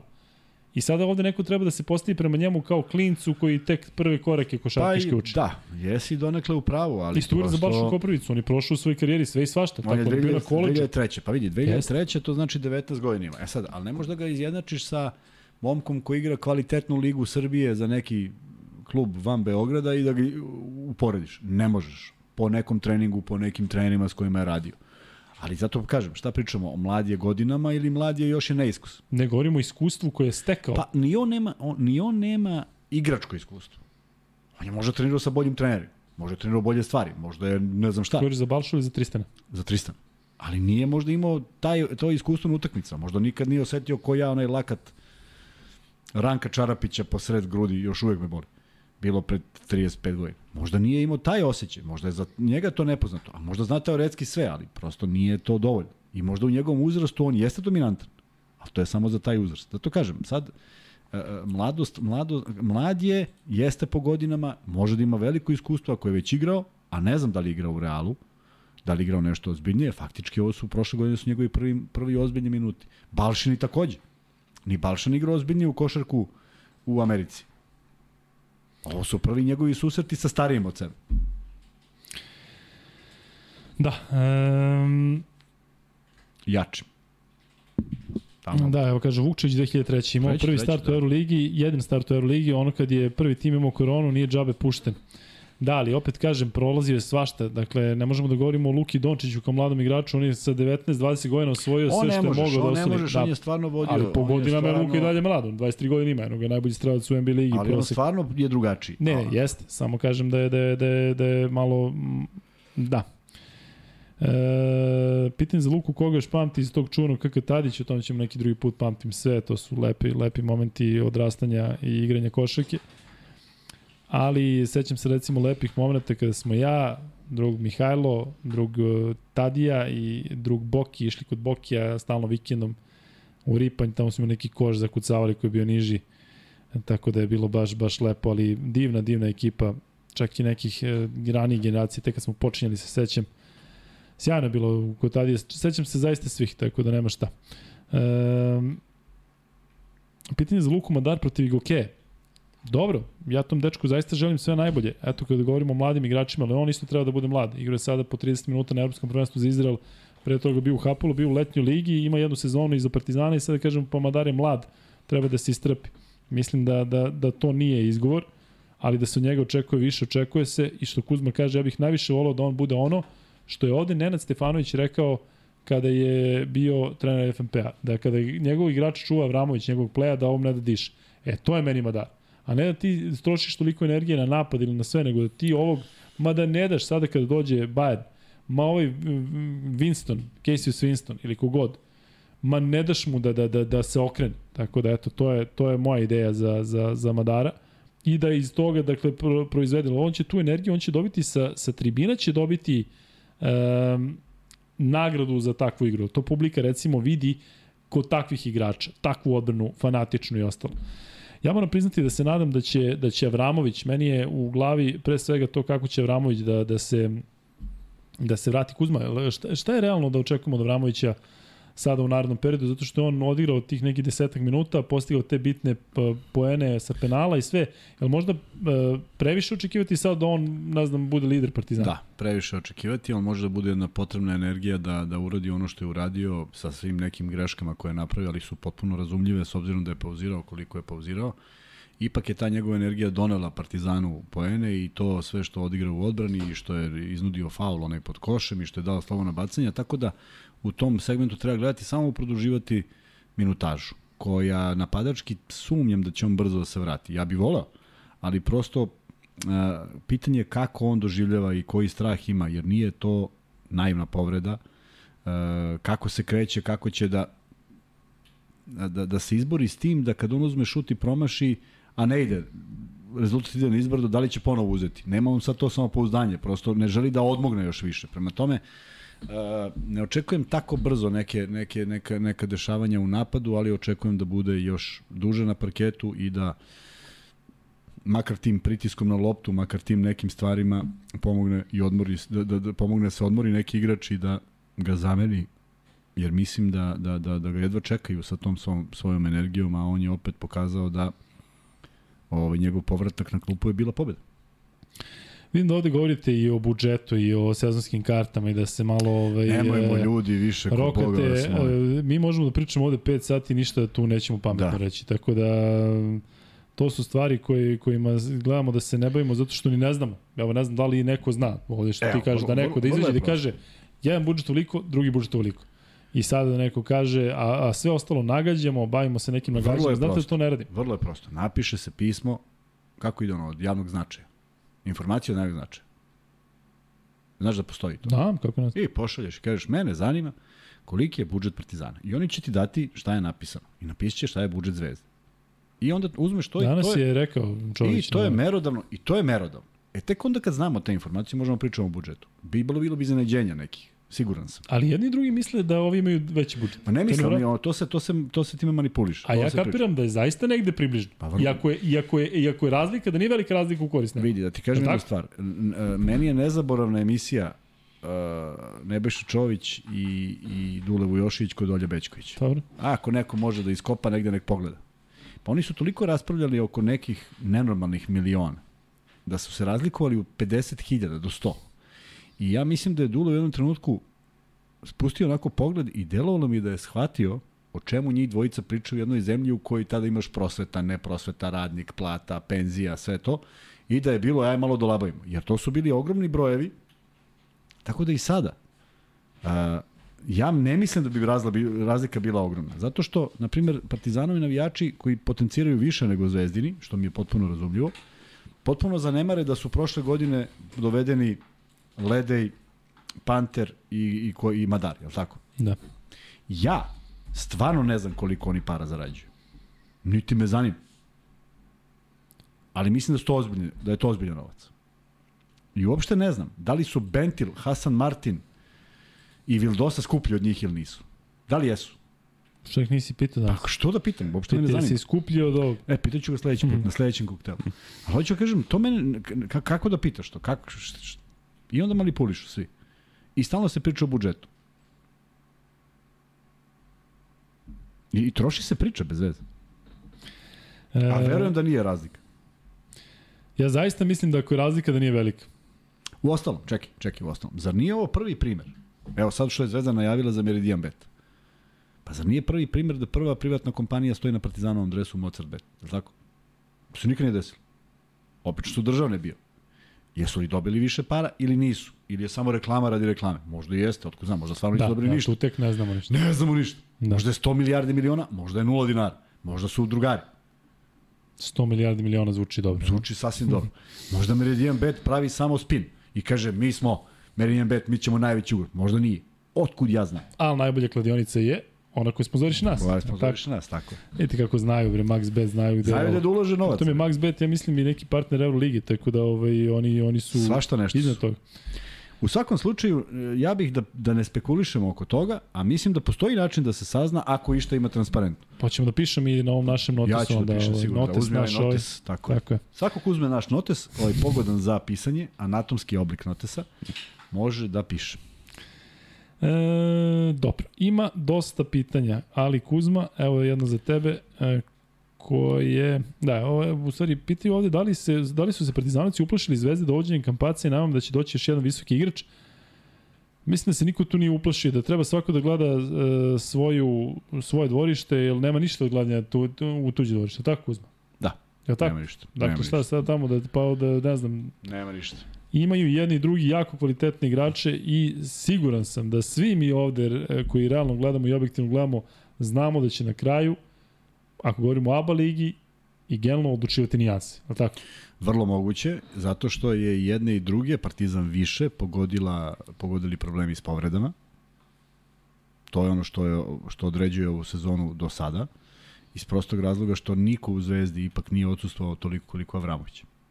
Niko nije imao toliko pehova s pola sezone uh, Smajlagića pa se oporavi. I da ne bude da samo se priča sa zvezdinim igračima, sećaš da sam najavio Smajlagića da igra utakmicu kad sam ga sreo u gradu.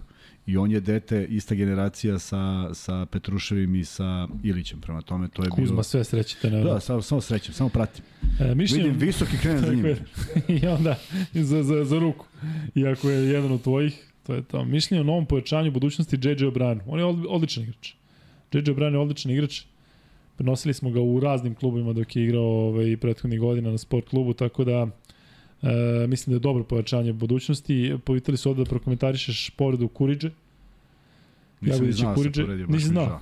Šta je uradio? Dugo si na tim koktelima, često Šta je uradio? koktele. Kad se protiv juče? Pa Protiv da. Mege? Šta je uradio? Ne, pa nešto. Mislim da, je, da, da delo da će biti, da neće biti ono par dana. E, E, ja sam Kuzmu gledao kao klinac, čak i na trenizima u Maslinama. da, Trenirali su u mojoj školi, seća se Jest. Kuzma Hale, u osnovnoj školi Vladimir Nazar. jest. Eto ti. Mišljenje o Tyleru Dorsiju.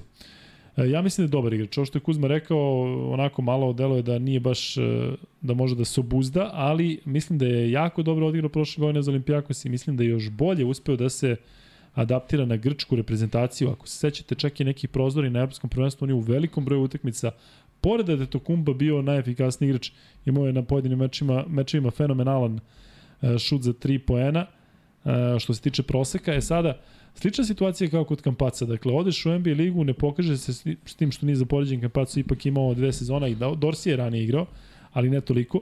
Međutim, e, dolazi tako što je dobio otkaz. Dakle, ovaj momak, e, kako se zove ovaj, kome će 22 godine ima ko su, njemu će dati šansu. Bože, kako se zove, što što su dali, tebe pitam, što Da, su da Dorsija su sklonili da bi njega, da bi njega Na K, ovaj, na K. Bože, bože, bože. JJ. Sad mi JJ ovaj u glavi. Lawson. JJ Lawson. A? AJ Lawson. Koji si majstor. Ja se još nisam E, setio Balšine sestre. Eto ti vidiš. E, ljudi, vidim da ovde pominjate majke i sestre jedni drugima, dajte, nemojte se zezati, pa nismo to imali 111 ko podcasta, nemojte ovaj da, da sad, da, da, se, da, da u takve stvari padamo. E, gde sam stao? Šta sam teo pričam? JJ Bryan, Tyler Dorsey, da, bilo bi dobro, bit će dobro za koju god ekipu da, da dođe, tako da nema šta. Petar Prpić, mali doprinos za podcast, Petre, hvala puno. E, pominje se to, e, taj dolazak Polonare Kuzma, ali si nešto o tome čuo, video? Sad se svako pominje da. nisam, ali ne znam, ne znam čemu to služi. Da, pitanje za Luku, koliko je realno da vam Žoc gostuje u podcastu? E, generalno svi znate da koliko su sad ljudi zauzeti da sve ili ide preko nešto što imaju obaveze, pa moraju da odrede zbog sponzora ili ovako na nekim neformalnim situacijama prosto je nemoguće dovesti sada nekoga iz tih timova eventualno Kuzma kad bude onih tamo pauza negde na proleće, otko znam, a? Ne znam. Nismo sigurni, ali verujte mi Kuzma, ako neko... Hajdana, kaže De, De, Dejan Tiganj. Hajdana je... Da, pisali su ovde Hajda, nisam znao šta znači. A, Ja mislim, u Jeo. piše, piše ovde za ovog Highlanda. Rekao, ovi nisu ne Highland. Highland. Rekao, šta sad Highland? Hajdana. Svaka čast ljudi, evo znaju. Pa da, a pa vidio si Hajdana, Hajdana je rekao, ovo Bulls Šta je meni Highland. Hajda, Hajdana i ti. Da, da. yes. e, Luka Kuzma, do kad će se tolerisati ovaj rasizam i spominjanje kameru na pogrdno? Znaš čemu se radi? Koga smo spomenuli? Ne mi, mislim, mislim navija, navijače. A koga smo spomenuli? Ne znam. A, za, za igrače Partizana. Pobedili Kamerun. Pobedio Kamerun. Aha, Nešto tako. nisam Ja. vidio, moram- moram da li mi takve stvari ne, promeću ili... Ne, mislim, kako bih rekao. Ne. Da. Da. E, Partizan Bayern, Kuzma, dolazi, evo ja ću ponovo da uzem sebi e, neki 30 sekundi, neće se ljuti Kuzma, vidim Joki, on voli da priča, da voli da priča sad kad, kad se ošišao i obrio sad tek. Ili vama šalje poruke preko Instagrama ili priča, to je ono, evo sad taman malo da šalje. Moram da se osvrnem na ono, a, a molim te, e, Srki, ti možeš da ugasiš ovaj pol i da staviš kako mislite da treba da očekati Trinkjerija. E, zato što o tome pričam stalno, pa evo i Crni grobar mislim da me podržao u prošloj emisiji. Dakle, stavi e, zvižducima, aplauzom ili neutralno. Da vidim šta navijači misle, ali ovde će se verovatno priključiti navijači Zvezde, a što se tiče ovog odnosa 67% Zvezda, 28% Partizan, neko treći 4%. Dakle, Andreja Trinkieri je s Partizanom igrao jako dobro. I s Partizanom mnogi to e, smatraju da bi osvojio možda Evrokup ili bi stigao do same završnice u onoj sezoni kada je prekinula korona. Sećate se koliki je to hype bio, posebno nakon onog perioda kada je Partizan imao prilično turbulentne godine, o čemu je pričao ovde često i Miće Berić. Mislim da treba da se pokaže sada e, gospodstvo, mi ne znamo, da očigledno taj rastanak bio neprijatan, tako uzma, nešto tu nije Mislim valjalo. da da, da. Ali e, što se tiče navijača ili bilo koga, ne sjećam se da je on nikada nekog uvredio, dakle to što je bilo, bilo je sporno sa, sa upravom ili sa, sa klubom ili već s kim, ne sa navijačima. Ja mislim da treba da se pozdravi čovjek maksimalno i da ne treba da padamo na neke stvari iz prošlosti kada smo recimo e, bivše trenere, bivše igrače, bivše legende, pa sećate se čak u jednom periodu se i Dulo Jošević je vređao. Dakle, on je, on je neko ko zaista mislim da da bi trebalo da e, dobije ili aplauz ili da se bude neutralan. Dakle, ali da sad se zviri, da se psuje, znate da on govori ovaj jezik. Tako da, Kuzma, imaš ti nešto da kažeš o toga? A, imam da kažem, ne zato što imam simpatije i antipatije, meni je taj Trinkeri vrlo simpatičan i voleo sam njegove konferencije za štampu ovaj, posle svih utakmica generalno i u Partizanu i u Bajernu. Ali znam da mi ostane upečatljivo nešto što te niko ne tera da kažeš. Naprimer, e, mislim da ima novinara s kojima treba biti sa novinarima generalno treba biti pristojan, bez obzira na sve. Dakle, i može neko i da te provocira, ti mora da budeš pristojan. I bila je neka konferencija za štampu, nešto se pričalo oko para, a on mu kaže, jel ti misliš da sam ja ovde zbog para?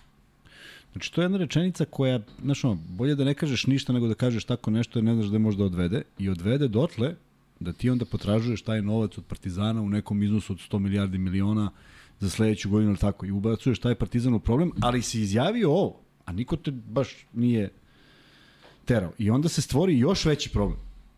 Jer kad čuješ tako nešto, ti doživiš i kažeš, vi stvarno čovjek bre, ovde je zato što je srcem tu, a ono na kraju ispadne nešto drugo. E, I onda tu ostane ta, taj gorak ukus, a da nema te rečenice, nema ništa od ovoga, prosto čovjek je naplatio svoje potraživanja koje su mu bila propisana ugovorom, ali bar nije obmanjivo javnost da ovde dolazi da radi zato što ima emociju, zato što je... Prosto, ne radiš to. Tebi Zvezda ostalo dužna što? ne jedino zvezda, ne. Mm, je tako.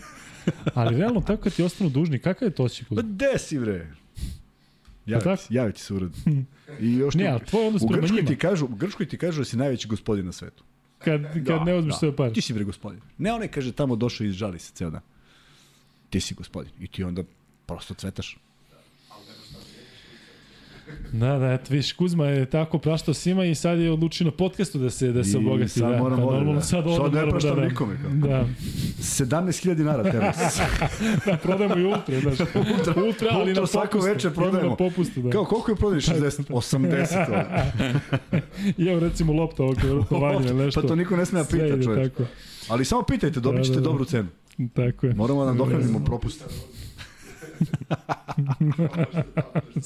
Ali Sve vreme 17.000 da- termo. da, da. Znaš kakav je? Objasću. Da, mi smo pazi, mi, Gospodin, gospodin ti daje termos. mi koji smo, koji smo dobili za džabe, kao mi smo platili 15, ali za vas 17. Da podelimo ja i Kuzmu po soma. Pa da. Inače, neko se javio iz joga i pozdravio je, ne mogu da pronađem ko. Pa, Da nije Uroš? Ni, uh, Uroš Novaković. Pa ne, neki Uroš. Uh, sad ćemo da E, Neko je pravio dresove, ja ne pamtim prezime, ali sam zapamtio evo, Uroš. i Uroš Novaković. Pozdrav za Kuzmu Luku iz joga. E, onda je Uroš Novaković. Jer on mi je poslao sliku i kaže, mnogo su vam lepe majice. Ja ne znam šta da odgovorim, ali shvatam da je to to. Aha. Zato što nisam očekivao da će ljudi napraviti ovo. Jasno, jasno, I jasno. fenomenalno, mislim, napravili Stvarno su fenomenalno. majice, napravili su dresove, napravili su svašta nešto. Da ima dres e, tamo. Pa da, evo ga, evo ga bez- dres, evo Bez ga dres. rukava, tako. Da, bez rukava. Eto. Majičice za trening. Da, da. Naopako se nosi, ne nosi se. Noge guraš Noge ovog, obučeš i obučeš u gaće. Da, da. E, Zna se, ovo je muška majica. da, da. Ljudi, ne dirajte Kuzmu, ste normalni. Ko mi ga dira sad? Neko kaže ovde da si ti imao komentare koji su sad napravili ovde haos. Da misli, Kuzma imao komentare Koji, koji... majke ti, ja sad ću da Ne, objasnim. ne. Daj ne ne. kažu koji. Kuzma je otrovnim komentarima doveo ljude da pominju majke i sestre. Jeste, Kuzma je stari, ovo. E, evo neko napiše ovako. Bože, bože, otrovnim komentarom. Ne, ali ovde, ali ovde, ovde je stvarno krenulo, krenulo je neko, neka, neka prepucačina. Ovaj, tako da, nemojte dirate Kuzmu, to je ko Nemojte dirate Luke, dirate dirate mene, to je ko dirate Srkija. A to je Srkija okej. ako vas dohvati, Srkija ako vas dočeka, to je haos. E, da, sad vidimo ovo za kameru, sad te kapiram pošto sam došao Ma do tog da. Da. neke fore koje prođu, ne prođu nekom se Savo Šundić kaže, ili moguće da smo dovoljili ovog Slovaka, šta će nam? Jeste, to je što će nam? Što ne znam ja, Savo, iskreno ti kažem, a, veliki promašaj, veliki eksperiment, odmah u startu sam rekao da je, da je tokom sezone igrači koji su igrali Eurocup, pa su, ne treba dovoditi posebno u ovakvim timovima gde, gde već imaš forminu i treba ti neko. Evo kaže ovde za Kuzmine dugove malo po malo Bojan Bukvić donir. Je, to Bojan, znači on e, zna da ceni čovjek. e, Hvala ti. Ima, treba će malo vremena. Polonara je slobodan da ide, a igrao je kod Ivanovića u Baskoni. Jeste, igrao je.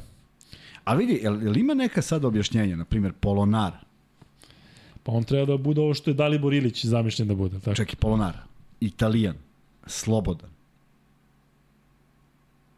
Mi pričamo o vraćanju srpskih igrača u Srbiju. Ja mislim, evo sad kad bi Kalinić bio slobodan, možemo tako da napravimo. Jel stvarno misliš da ne bi dobio ponudu zvezde? Kalin? Da. Kalina bi dobio. Po tome kažem. A Polonar ne dobije iz Italije ponudu. Pa zašto je iz kante ekipe? I dao nam je onu trojku kad nam je spisu dao četiri, on je stavio onu je. jednu.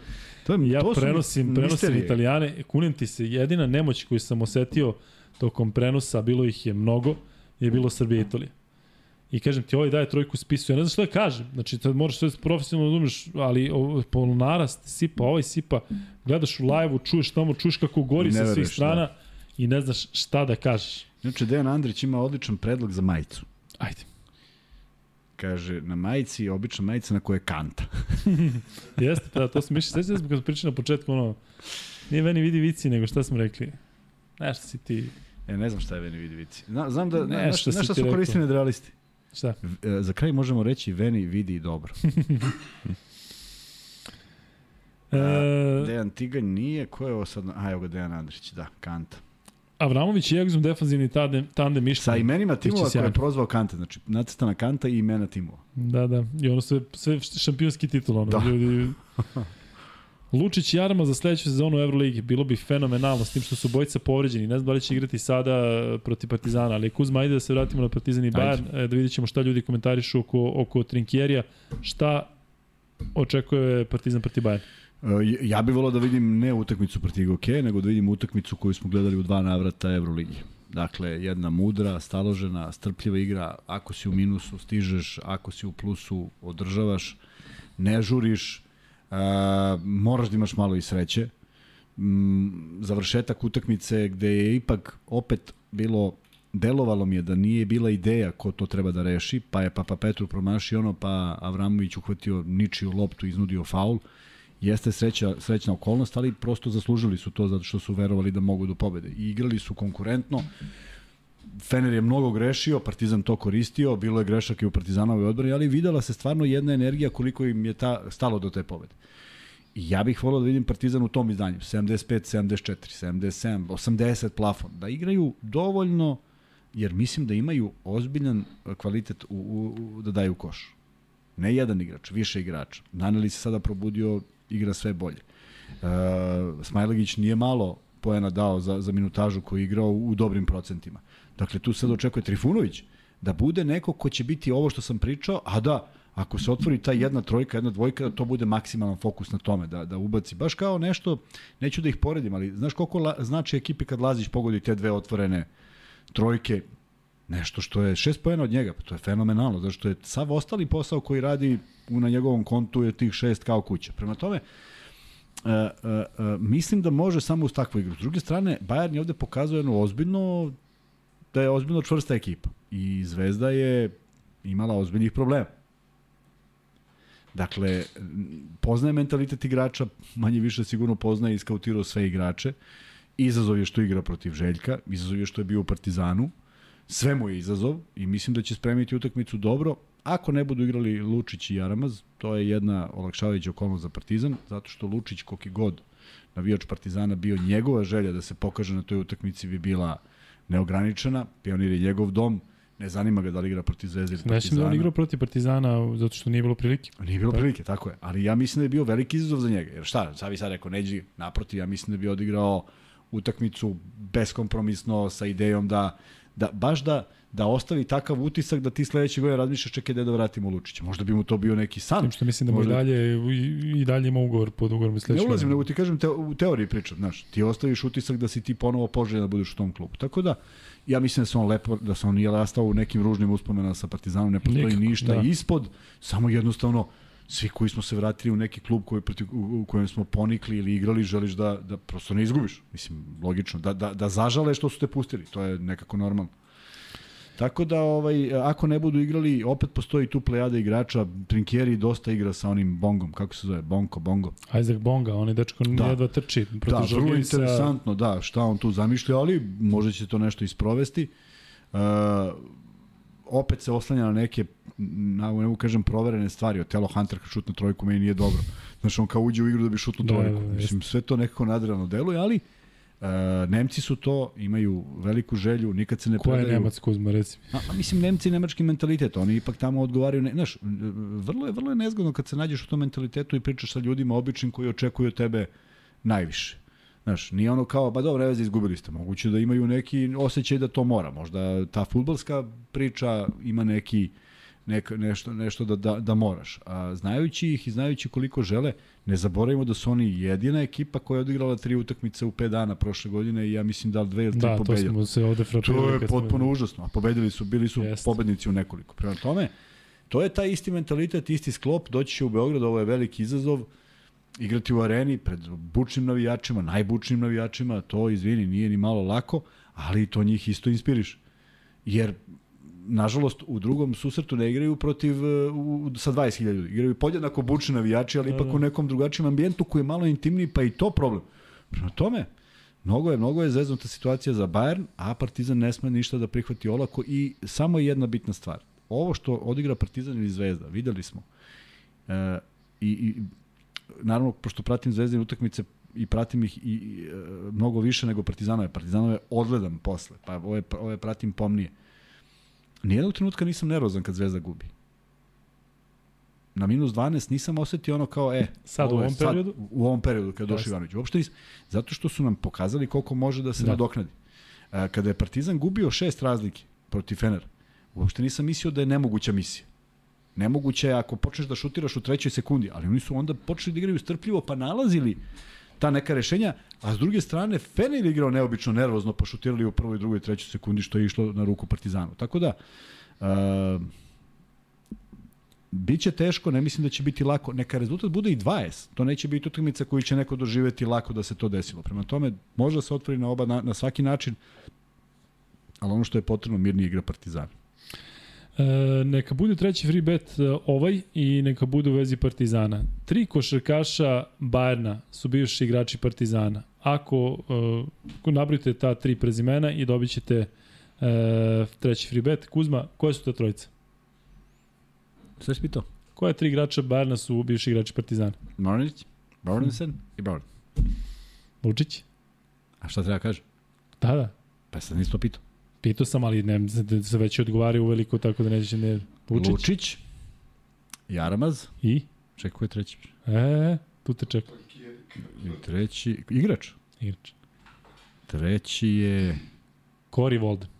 Pa da, njega sam zaboravio. Da. E, znaš da sam ga zvao Holden zbog tebe, zbog tvog Holanda i Holden, Holdena ono, svi u da prenosu Žalgiris Bojan, Bojan Eričem i kažem ne znam što mi je u glavi Holden i setim se šta. E, Kuzma, kako će dočekati navijači Partizana Korija Volden? E, ajde se razumemo. Ne želim da, ga- da dočekaju nikako. Da je se uopšte ne primeti, to najbolje Ne, za ekipu on- za bilo sve. tako je, on Ali izađe- da njega poremetiš, Tako je, njega poremetiš. ali da ga dočekaš na nož. Ma, pa naravno. Pa Jel to tako? je, ti treba poremetiš protivnika svog. Što sad ovog ne, ne remetiš? Pa ne, znaš zašto te pitam, zašto je on prešao iz Partizana u Zvezdu? Ma, iz hiljadu razloga i da nije. Ne, moraš ga poremetiš. Njega treba poremetiti. Bilo ko ko igra protiv tebe treba poremetiti. Kad se završi i on, Partizan pobedi 92, 74, a Cory Volden dao 28 poena. E, svi mogu da viču, Volden, ne, majstor, nemam ništa protiv. Neće niko da viče. verujem. Pa neće, naravno, zato što je prošlo i zašto si pobedio. Ali šta ima da ga dočekuju kog vraga? E, Leo Armando je na, napisao je Jarama Zlučić Volden i on je dobio treći free bet. Za Argentinu, Leo Armando. Leo Armando. E, da. E, tako da je to taj e, treći free bet. E, možeš da ugasiš, e, Srki, ovaj pol da vidimo koliko ljudi misli da treba dočekati Andreju Trinkjerija aplauzima, koliko zvižducima. 66 aplauzima, 33% zvižducima. Dobro, lepo. E, prenosio sam Bayern protiv Žalgirisa u prošlom kolu i Kuzma nisu igrali e, Lučić, Jaramaz, Obst i Šiško. Ne znam kakva je situacija i da li će neko od njih igrati sada. Najznačajnije bi za tim bilo da igraju u tim redoslom Lučić, Jaramaz, pa Obst. Tu ima mnogo šuteva za 3 poena. Ali ono što je zaista delovalo kod Bajana u tom meču protiv Žalgirisa, to je da su baš divlji. Dakle, to je bila jedna divlja utakmica Jest. gde njih krenuo šut za 3 poena, međutim, evo to što Kuzma govori, ta atmosfera, oni su u nekom trenutku i toj atmosferi u, u, u Kaunasu onako, malo su se pogubili, Volde nije bio sav svoj. Pa je Volden bilo ne igra ništa, realno. Tako Ali je. to ne znači neće odigrati Tako baš ovde. jer A ovog Winstona da, da. se treba čuvati. Ok, Casey Treba, Winston, treba, i on on je odigrao, dečko koji, koji odigra jako loše, ali u stanju da odigra jako dobro i da uđe. Da uđe u, u, u, u sjajnu seriju, tako da obratite pažnju tog momka zato što igra ispod radara, on je tek došao u, u Euroligu, došao u Evropu ove sezone, dakle Volden je neko ko je, ko je onako u prvom planu, ovde piše da je Volden ozleđen, jedino ako se poredi sada za vikend u, u, u domaćem prvenstvu. E, Milana Pešić kaže niti je plauzima, niti izvježducima. Milana, ja se Ništa, tako slažem. tako je, bre, izađe čovjek i ti se praviš lud i on se malo čudi što niko ne zviži, što niko ne tapše i krene da igra i kad primi loptu, a ti uuu, to je normalno. Je. Mm, da. E, Kuzma, još malo o Bayernu. Reci mi e, koliko Partizan, ovo baš što si rekao, treba da insistira na odbrani, baš što ima ekipu koja je napadački u ozbiljnom problemu zato što neki od glavnih napadača nedostaju. Jel oni, recimo, Bayern je protiv Žalgirisa ušao u seriju trojki i poveo je nekih, čak i možda blizu desetak razlike, međutim nisu to mogli da istiraju do kraja. Tako je. Partizan treba da, da ih pusti da divljaju, da šutiraju za tri, ili treba da im, kako defanzivno treba da se Partizan orientiše? zatvore, da zatvore reket, da, da, Da zatvore da, da uzimaju te šuteve. Da, da uzimaju te šuteve i Što da budu teže strpljivi. šutevi preko Tako ruke, Tako je. I to ne može treba dovek, ali tako? Ne, ako te tako neko dobije, to bi bio presedan, to bi bila prva Jeste. utakmica, da si ti pogađao celu utakmicu preko. Ali mnogo mudrije. Ako može da se iskoristi napad, naravno ne treba neko tipa Panter da kreće u polu kontru i da sad koči zato što je u 1 na 1 na kontri. Naravno da ide do kraja. Ali racionalizovati, ne trošiti se preterano. Uh, i sam kaže da to ne izgleda, ta ekipa nije, nije, nije koncipirana tako izgleda na početku sezone. Mnogo igrača Tako nedostaje, je. prema tome oni su oni sad moraju nešto da izmišljaju i da smišljaju. U tom izmišljanju i smišljanju može da se desi, samo ne upadati u nervozu. Drugo, neki igrači si manje skautirao i ne znaš šta može. Možeš ti iznenadi nekim stvarima koje ćeš savladati u 15. minutu, možda ne možeš iz prve, ali ne vidim da bi trebalo bude problem da Partizan bude taj koji diktira tempo i diktira igru i nametanje Kiselunskog kriterijuma. Partizanu možda bi odgovaralo da ne bude da, da, da, da zbog ipak ne mogu da uporedim koji broj igrača imaju jedni i drugi, ali Partizan nema baš suficit neki uh, igrača pa da pretekne. Prema tome treba biti obazriv, ne praviti mnogo faulova, a opet biti dovoljno agresivan. E, to je ono. I to može samo cela ekipa. Ako pet igrača to radi i sudija neće svirati. Ako jedan ne radi, on će dobijati faulove, vrlo prosto. Da, ovde pišu Bayern je smešan. Bayern možda deluje trenutno da nije, ali verujte mi, e, to je ekipa koja je u stanju da odigra. Oni su u prethodnom kolu valjda dobili da Valenciju, ne, ma dakle nije, da ne. nisu za podcenjivanje sigurno Ma sad da se ne upisuje. sme, nikog ne sme, niko ne sme da se podceni kakvi to bez daljnjeg. Da, da. E, ovde vidim da, da pitate još neka pitanja u vezi, da, evo kažu kako nas je dobila Alba na početku, neće im proći, jeste, ono s Albom je zaista, kad pogledaš ovu Albu, Da, pogledaš svako kažeš može izgled- svako da dobije, tako da nema šta. E, ja, e, samo, samo, je to, samo je to isto bitno da igrači, a nadam se da ne misle, e, e, samo da ne misle na to šta, su, šta, je, šta je propušteno. Znaš u kom smislu? U, spi, u smislu Albe, koja ne može pobedi nikoga, i u smislu Baskonije, što je najgora, najgori detalj. Dakle, to mora da se zaboravi. Oni ne smeju da pričaju više o tome i kako je to bilo, jer ako ti to stalno negde, onda se, onda se nerviraš. Evo, nadoknađeno ipak neočekivanom pobedom protiv Fenera. Iako je Partizan dobro odigrao utakmicu, ali to nije nešto što možda očekuješ. Tako da, vrlo brzo može to da se vrati u ono da se nadomesti. Ali samo utakmicu po utakmicu i bez ikakvog podcenjivanja. Ne podcenjivanje, ali opet to eventualno ne di Bože poraz od Bajana bi bio ozbiljan udarac za Partizan sada, u smislu jeste, tako naravno, bar da te dobije u Beogradu, Absolut, pa gde ćeš to da nadokneš posle, a još imaš, imaš negativan skor. Slažem se. Trenutno. E, Nenad Živković pita kako da kupim termos. Nenade, trenutno poklanjam ovo, ali bit će prilike da sa jogom, jel tako, ćemo sarađivati, pa ćemo o tom potom će se ponav, po, da, da. pojaviti, ali... Ali vi napišite, ako neko od ovih proizvoda želi da uz simboličnu donaciju ili samo da dobije na poklon, već ljudi kada donirate, kada ste tako... Tako je. Pišite na Instagram Kuzma da, šta i kako pišite gde. šta, pa ćemo da se nađemo ovde, pa ćemo... Na, lakše ćemo ovde... Lakše nam je uvijek kako ste u Srbiji, još ako ste u Beogradu, možemo ako da neko dolazi na utakmicu Zvezde ili Partizana... Kuzma to nosi pod mišku. Da, ja to ovako idem i samo šetam. termos, pitam, termos pod mišku. I prepoznajem ljude. Ko Mr. Bean. Ne, ne hoću da kažem, ako dolaze utakmice Zvezde iz Partizana iz unutrašnjosti, pa budu tu taj tako. dan, možemo da ostavimo tako, nije nikakvo. Ali će Kuzma da vas čeka ispred. Samo mi recite koji dan dolazite Kuzma. Čekam na stanici, čekam na stanici. Tako je, tako je. Na, na prokopu čekam. Ako ga nađem. E, na koliko je potpisao ugovor? Pa ja mislim da, da on ili do kraja sezona dva meseca, nema druge opcije. Čekaj, ali nešto da, kaže, izvini. Kaži se ti. A, hoću, da. Da, na neko pitao na sek. Na stek, kako zove? Whatsapp. Na Slack. Na Slack. Slack. Uh, Casey Swinston očeno igra, upravo si Stefane, ali igrački može da se probudi da u takvom jednom meču protiv Partizana može da dođe do izraže. Um, dobro. Kakav ishod predviđate u KK Partizana ako ne ostane plasman u Euroligu naredne dve sezone?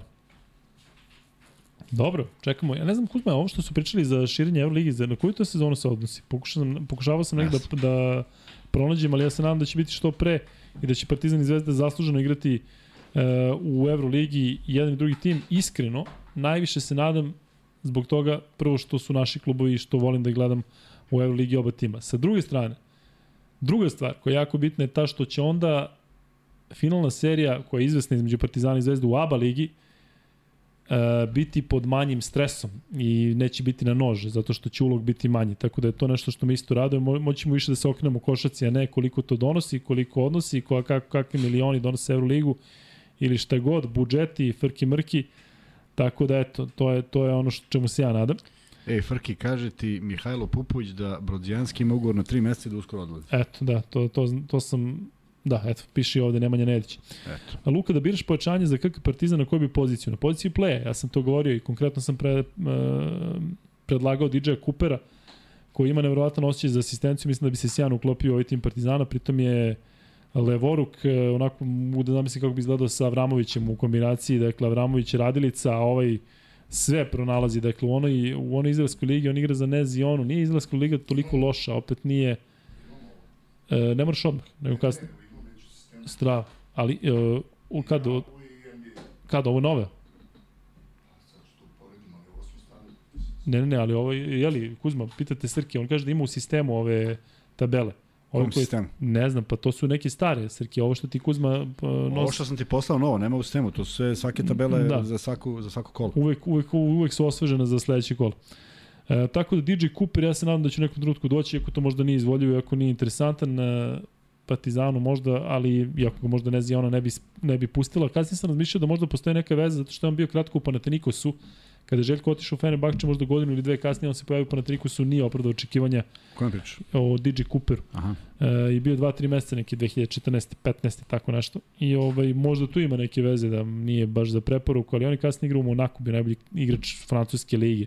Dakle, momak ima iskustvo i baca neverovatne lopte. Uh, bilo bi tu Eli Upova, bilo bi svega i svačega, dakle ima čovjek 17 asistencija u proseku u Izraelskoj ligi, ali 17 asistencija u proseku prosto nevjerovatno. Sledeći je Joe Regland koji ima tipa 9. Tako da ovaj, to je moj, moj san i moja želja za Partizan, ne neko sada pojačanje koje puno košta, koje ne znam iz NBA lige dolazi ne znam šta, ovo mislim da bi bilo jako korisno za tim. Uh, jer ima Partizan šanse za play-off Euroligi ima sigurno. Ma što da nema, ima mnogo da se Podrazumeva se, ja sam Srke, kada sam... ovo pustiš na, na ovaj... Ovo, ovo što ja imam, imaju veće brojeve nego što su mi ti posle. Ja imam prvi da ima 312, ako tebe ima uh, 298. Ne znam. Ne znam, to, ja o tome Srki iskreno malo znam. Ne znam, ja zato, zato i pitam. Luka i Kuzma, koji tim u Euroligi ima najlepše navijačice? Po meni Žalgiris. Pa, kako, pa nema veze, gledaj, ovo ti je 23. kolo, on je napravio 312, ali u 24. kolu najbolji ima 298, razumeš? Da, da, znači ovo je koje sam ti poslao, da, da, sve je okej. Šta kažeš, sine? Šta kažeš, sine? Sine. Sine. Ja, postao sam sin. Sine, šta kažeš? Tako mene Kuzma gleda, kao sin. Pa jeste, To ne znaš šta je lepše. Em što smo bliski, em što sam mnogo mlađi. E, Luka Rubit je takođe neko ko može da pravi probleme. Rubit je igrao na istom, e, ne na istom koleđu, ali istom gradu kao i ja, s tim što je mm, 7 ili 8 godina mlađi. Ali kada sam ja odlazio, pa bila je priča kako dolazi možda neki momak na univerzitet South Alabama u mobilu. E, I da, on je jedan od malobrnih koji je, koji je eto napravio neku evropsku karijeru sa tog koleđa. E, pozdrav iz Belgije za Luku i Kuzmu, a specijalno za Kuzmu od Čombe. Viš pamte Kuzma. Djuk me pozdravlja, Da. pozdrav Djuče. E, komentar za na sinoćnu utakmicu Denvera, doći ćemo i do toga, bez brige. E, hoće li biti karata u slobodnoj porodi za derbi, to ne znamo. Ima još vremena do 27. januara Da, kada je da, da. derbi na ovom. Za Luku, Grant, T Telekom, Best Galata mogu li igrati viši rang? Pa dobro, Grant je igrao prošle godine u Armaniju, tako da nema šta. E, za ovog Besta iz Galata Saraja, ne znam, jer ga nisam toliko iskreno pratio ove sezone. E, ali iskreno da vam kažem, recimo ovaj Sam Decker, koji je naravno ozbiljno ime i koji je igrao, ovaj, ja bih volio da ga vidim u Euroligi. Eto, to bih volio da vidim, ne, ne možda u Partizanu ili Zvezdi, ali mislim da ima kvalitet. I verovatno će sa London Lionsima igrati Euroligu, pošto vidim da je tamo potpisao ugovor koji valjda na dve godine, a oni svašta planiraju, tako da vidim da mu dobro tamo. E, tako si zadam sa pričao da je opak igrač e, Pa on je stvarno bio fenomenalan u, u Australiji. Nije se pokazao u Zvezdi, nije se namestilo, tako da nema šta. Ali sam definitivno preznije sa igračima koji dolaze iz Australije, zato što je bilo dosta primera gde su odigrali slabije. Martin je odigrao dobro sada u prvenstvu. Joel Martin, o kome sam isto pričao da je igrao prošle godine za Sydney, pa sam bio skeptičan kako će odigrati u Makabiju, ali dao je 21 poen sada, juče, nekome. E, Luka, prenosiš Izraelsku ligu, gledao sam večeras Hapata Lavi, kako ti je mišljenje o Nuaku? Ok, ali nije za Euroligu. Onuako je interesantan, posebno sa onim izvođenjem slobodnih bacanja, ali on dečko e, mislim da nema kvalitet za Euroligu. Mislim da mu Hapoel Tel Aviv prava mera. Dakle, sad kada je ovaj Hord e, povređen, mislim da je tamo baš našao sebe. Sasari, i Sasari je prešao Amo, prošle godine igrao u Hersley, to je za njega, ja mislim, fenomenalno. Jel zovete Šarenog u petak na proslavu? Nećemo tako, Šarenog, bit će prilike. E, pitanje za Luku i Vanju. Kada će podcast biti malo više posjećen NBA ligi? Vanja trenutno nije tu, a mi ćemo o NBA ligi pričati sve više kada se zakukuta sezona i kada dođe do play-offa. Vi verovatno svi znate da je opšte mišljenje da se u NBA ligi ne igra toliko ozbiljno tokom uh, cele godine kada je regularni deo sezone u pitanju, tako da biće prilike i pričamo stalno NBA ligi i pričat ćemo još više.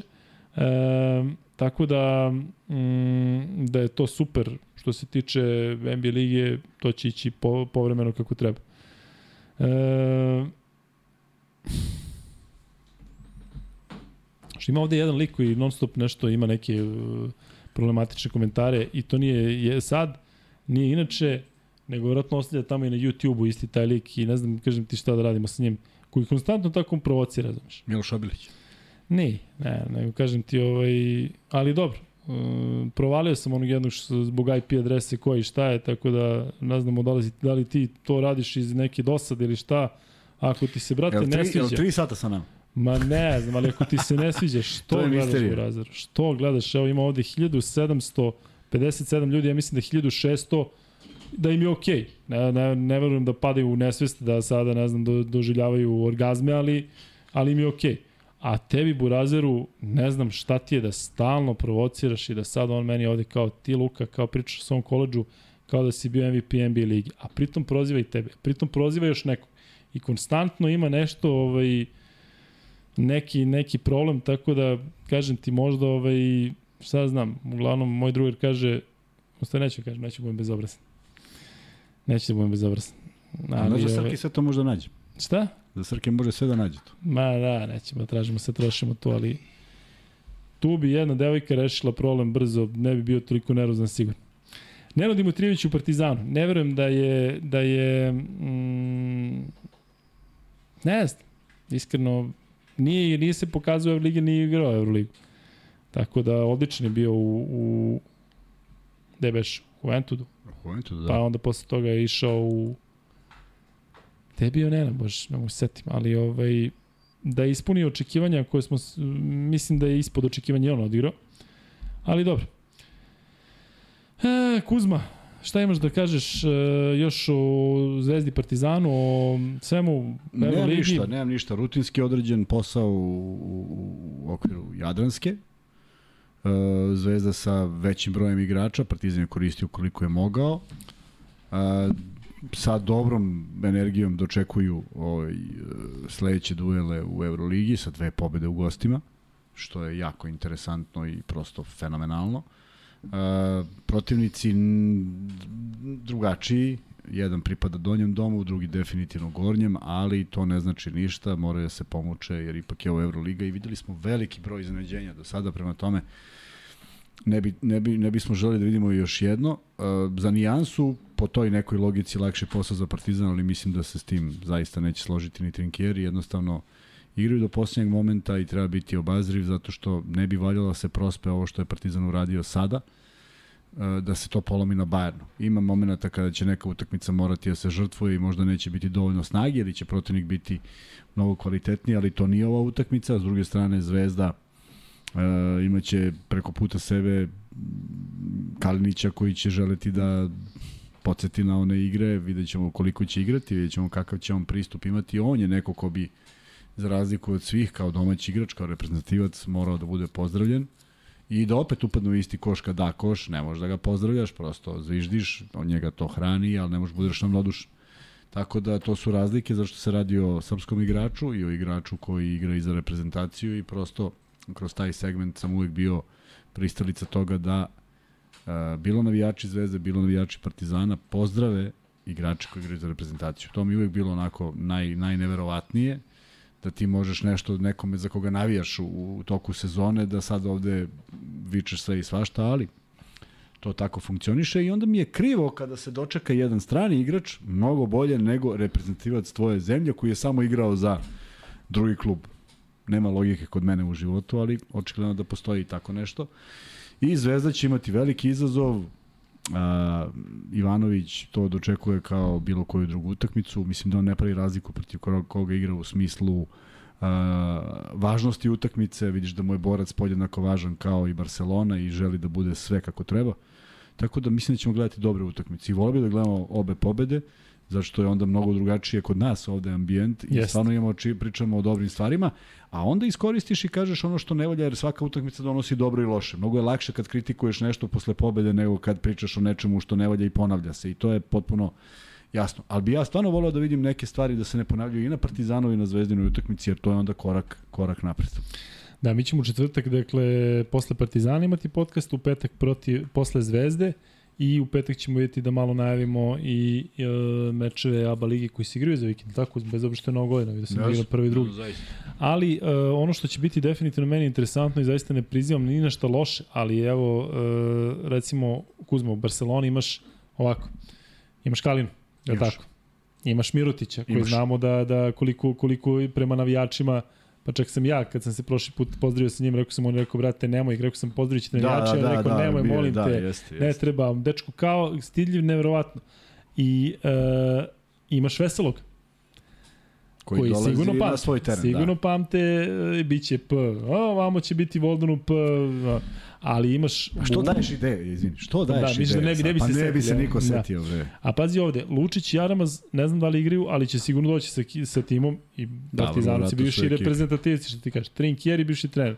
Volden, Ko Op, ljudi. Dakle, bit će, kažem, zanimljivo i gore će sigurno i Arena i, i, i Pionir.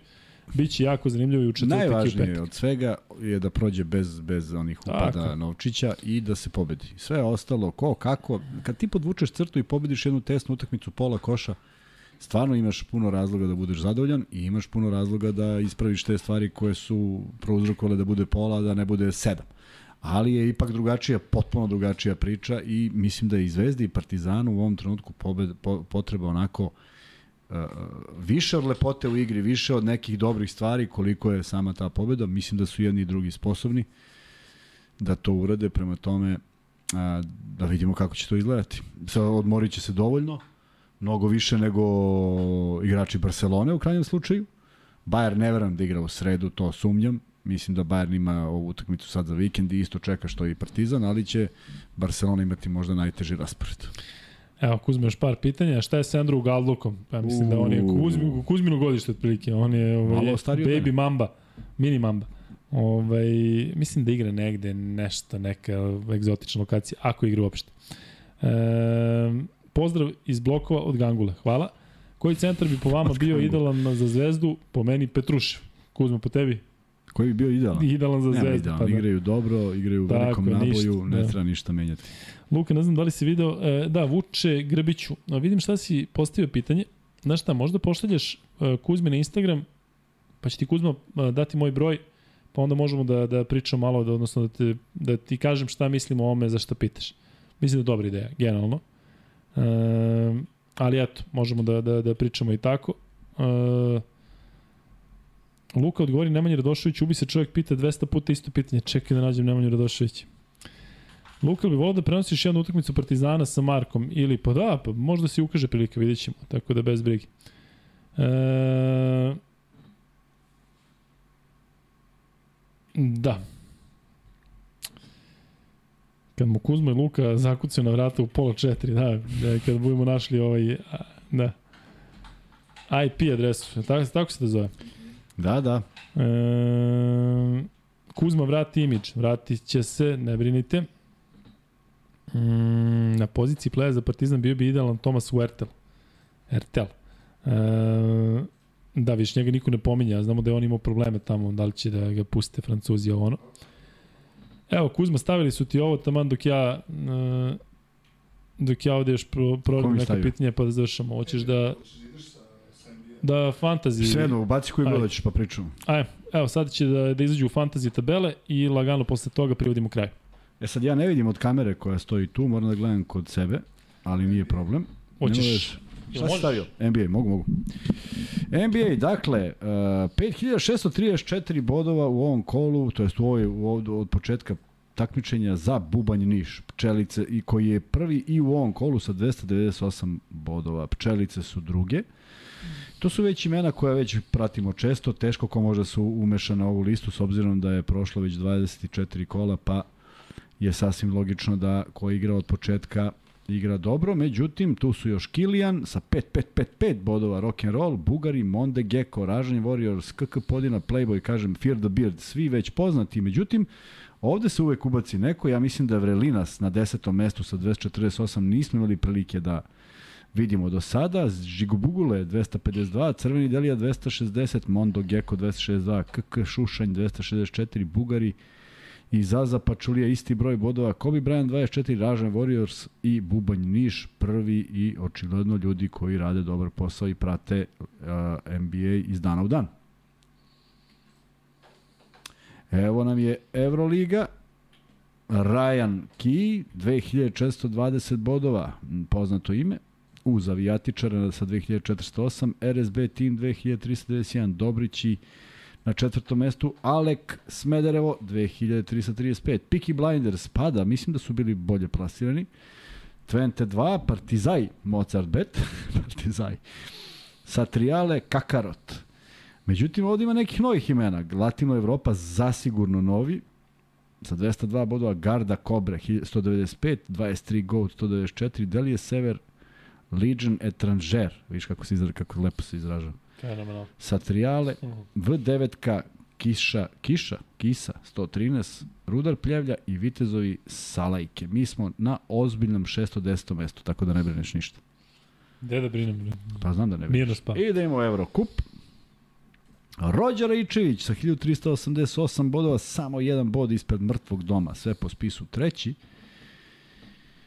Sijena četvrta, Điglo peti, FK Polet i onda imam da mi skrenu pažnju naš ovaj, drug koji nam je poslao ovo, centar uvek daje, samo da im šta daje. To nisam ovaj zapamtio. Čisto zato što mi je skrenuo pažnju da ovaj da kaže kako se zove. Pa možda vidiš. Centar uvek daje poene, mogu naravno. Centar uvek daje poene. Dakle, oni su na sedmom mestu, pojavili su na ovoj listi. KK Leskovac, KK Čekić, tri kluba, vidi, tri košarkaška kluba, KK Borac, Nektar, Skyman 110 i sa 702 boda. Vidiš kako Čekić je prvi u ovoj nedelji, Peščara, Riblja Čorba, Rođer Ičević na četvrtom mestu, KK Leskovac, koji je osmi u ukupnom plasmanu, Mrtvi dom, šesto mesto ove nedelje, Đerenka, Ulični psi, Žoc, Čačak i Flensburg, Swimmers. Eto ti. Flensburg, Swimmers. Ne sjećam se njih da je bilo Nije, ranije. nije bilo, sigurno. E, dobro, da lagano privodimo kraju, još malo reči o NBA ligi Kuzma, sad kad nema vanje, prokomentariši ti još malo Jokića, zaista. Gledao si sam, da, gledao sam, 41, vidio sam 15, šta 15. radi i... Jesi gledao ili si video? To je jako bitno. Si gledao meč s Phoenixom? Nisam gledao, pa je, da, gledao sam. Sigurno sam gledao. U svakom slučaju, ovaj, Jesmo svesni šta imamo Kuzma u Nikoli Jokiću? Šta bi? Neka donacija. šta se priča sa Grbićem? Sa Grbom? E, postiš mu moj broj. A, je, dobro. Da, Da, da. Aha, dobro, ništa nisam, dobro, nisam to ovaj, ispratio. A Gaudlok je u Betisu još od prošle godine. Eto ti. Kada E. taman je pot, pot, krenuo lepo da igraju u prvoj pripremnoj utakmici, su oni pokida ligamente opet. Vidiš. Kaže Marko Mileusnić. Kuzma, Ni, Nikola Jokić. Nikola Jokić, Jesmo gledao sam šta je uradio. šta i kako... Ne, znaš u čemu je fora? Dobio sam danas, ne mogu setim od koga, ali ovaj, nisam prokomentarisao jer nisam stigao, bio sam zauzet. I poslao je highlight i stvarno ovaj, sa pitanjem da li se, da li se da li iko igra odbranu Jokiću. Međutim, gledajući, ja gledao sam nekoliko puta, ovaj, stvarno ne mogu da se složim da je tu neko, bilo je naravno momenata kad ga ostave na trojici pa kao neće, naravno, ovaj, ali bilo je momenata gde su oni stvarno odbranbeni igrači mislili da su tu.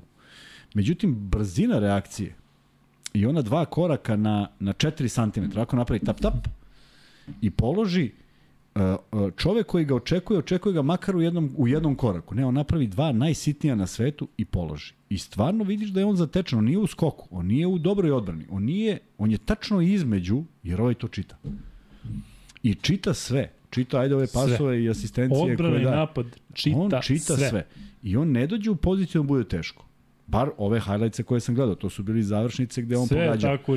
Sigurno da je bilo nešto gde je zaustavljen, ali negde nije ni posledica odbrane koliko neke njegove loše kretnje. U svakom slučaju, uh, uh, vraćam se na ono što su rekli majstori košarke u kojima, koje smo voleli 90-ih, da je prevazišao divca u tom nekom klikeru košarkaškom, kažu da je divac bio sinonim za to, i da može da kreira bukvalno bilo šta, da jednostavno vidi neke poteze unapred i u krajnjem slučaju da mu je brzina reakcije verovatno najbrža imaginacija kako će on da dođe do koša. To deluje nekada trapavo, nekada bez veze, nekada potpuno neatraktivno.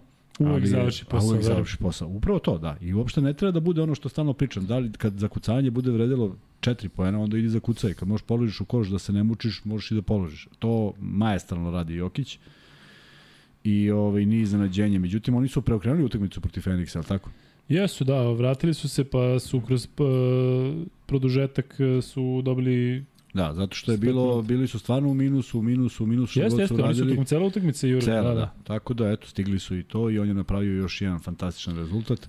Ali, opet, polazimo od toga. Ja mislim da se on zabavlja dobro i da njemu sve to lepo prija i da ga konačan, konačno ono, biti šampion i biti nešto ne, ne, ne još ne dira.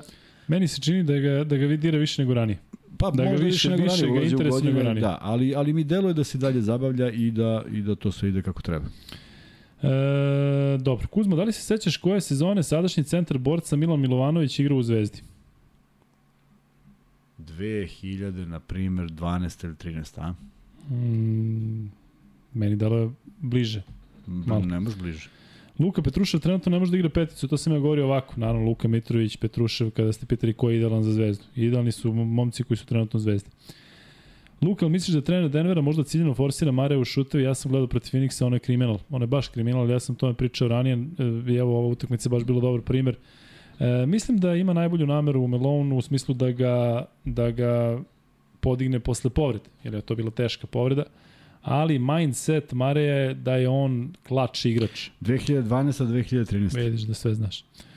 E, Jokić je, kaže Milan Bršanac, Jokić je bio kao vola u kupusu, nekoliko utakmica za redom je ozbiljno isečen, samo pogledajte ruke koje su ožicima. Jeste, da, pokušavaju da ga zaustave na sve načine, prljavo, e, prozivkama, ali on sve to dobro nosi, nemam problem ja sa Jokićem, da, da će sve tamo da ih e, da ih stavi na mesto, ali mislim da najveći problem Jokić ima sa svojim timom, gde imate igrače koji, koji razumeju šta radi i malo ih je, ali imate igrače koji e, pokušavaju da se da se u celoj toj priči oni istaknu, a ist, ne shvataju da, bi, da će se isteći najbolje ako budu igli NBA finale i tad mogu da dođu da izdrže.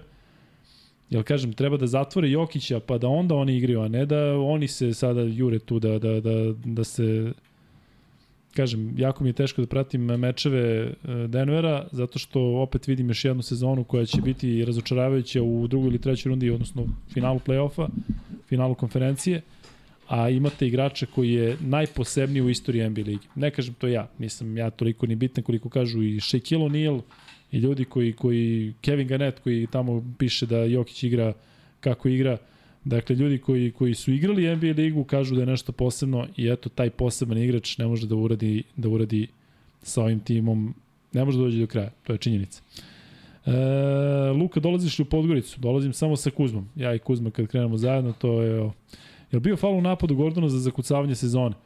E, si vidio onaj faul u napadu Kuzma Landry Šemeć što se postavio? Bukvalno ono ko što, kao kada se Melih Mahmutoglu onako izvio kad se kretao, otprilike tako. On je faul u napadu, tako? Nisam vidio. A ono, da, on, ne, ne, ne, ono da, je bio faul da se kreće. Ne, kretao se u odbrani. Tako je, Od da. odbrani. Faul odbrane, da, da, ja pogrešio.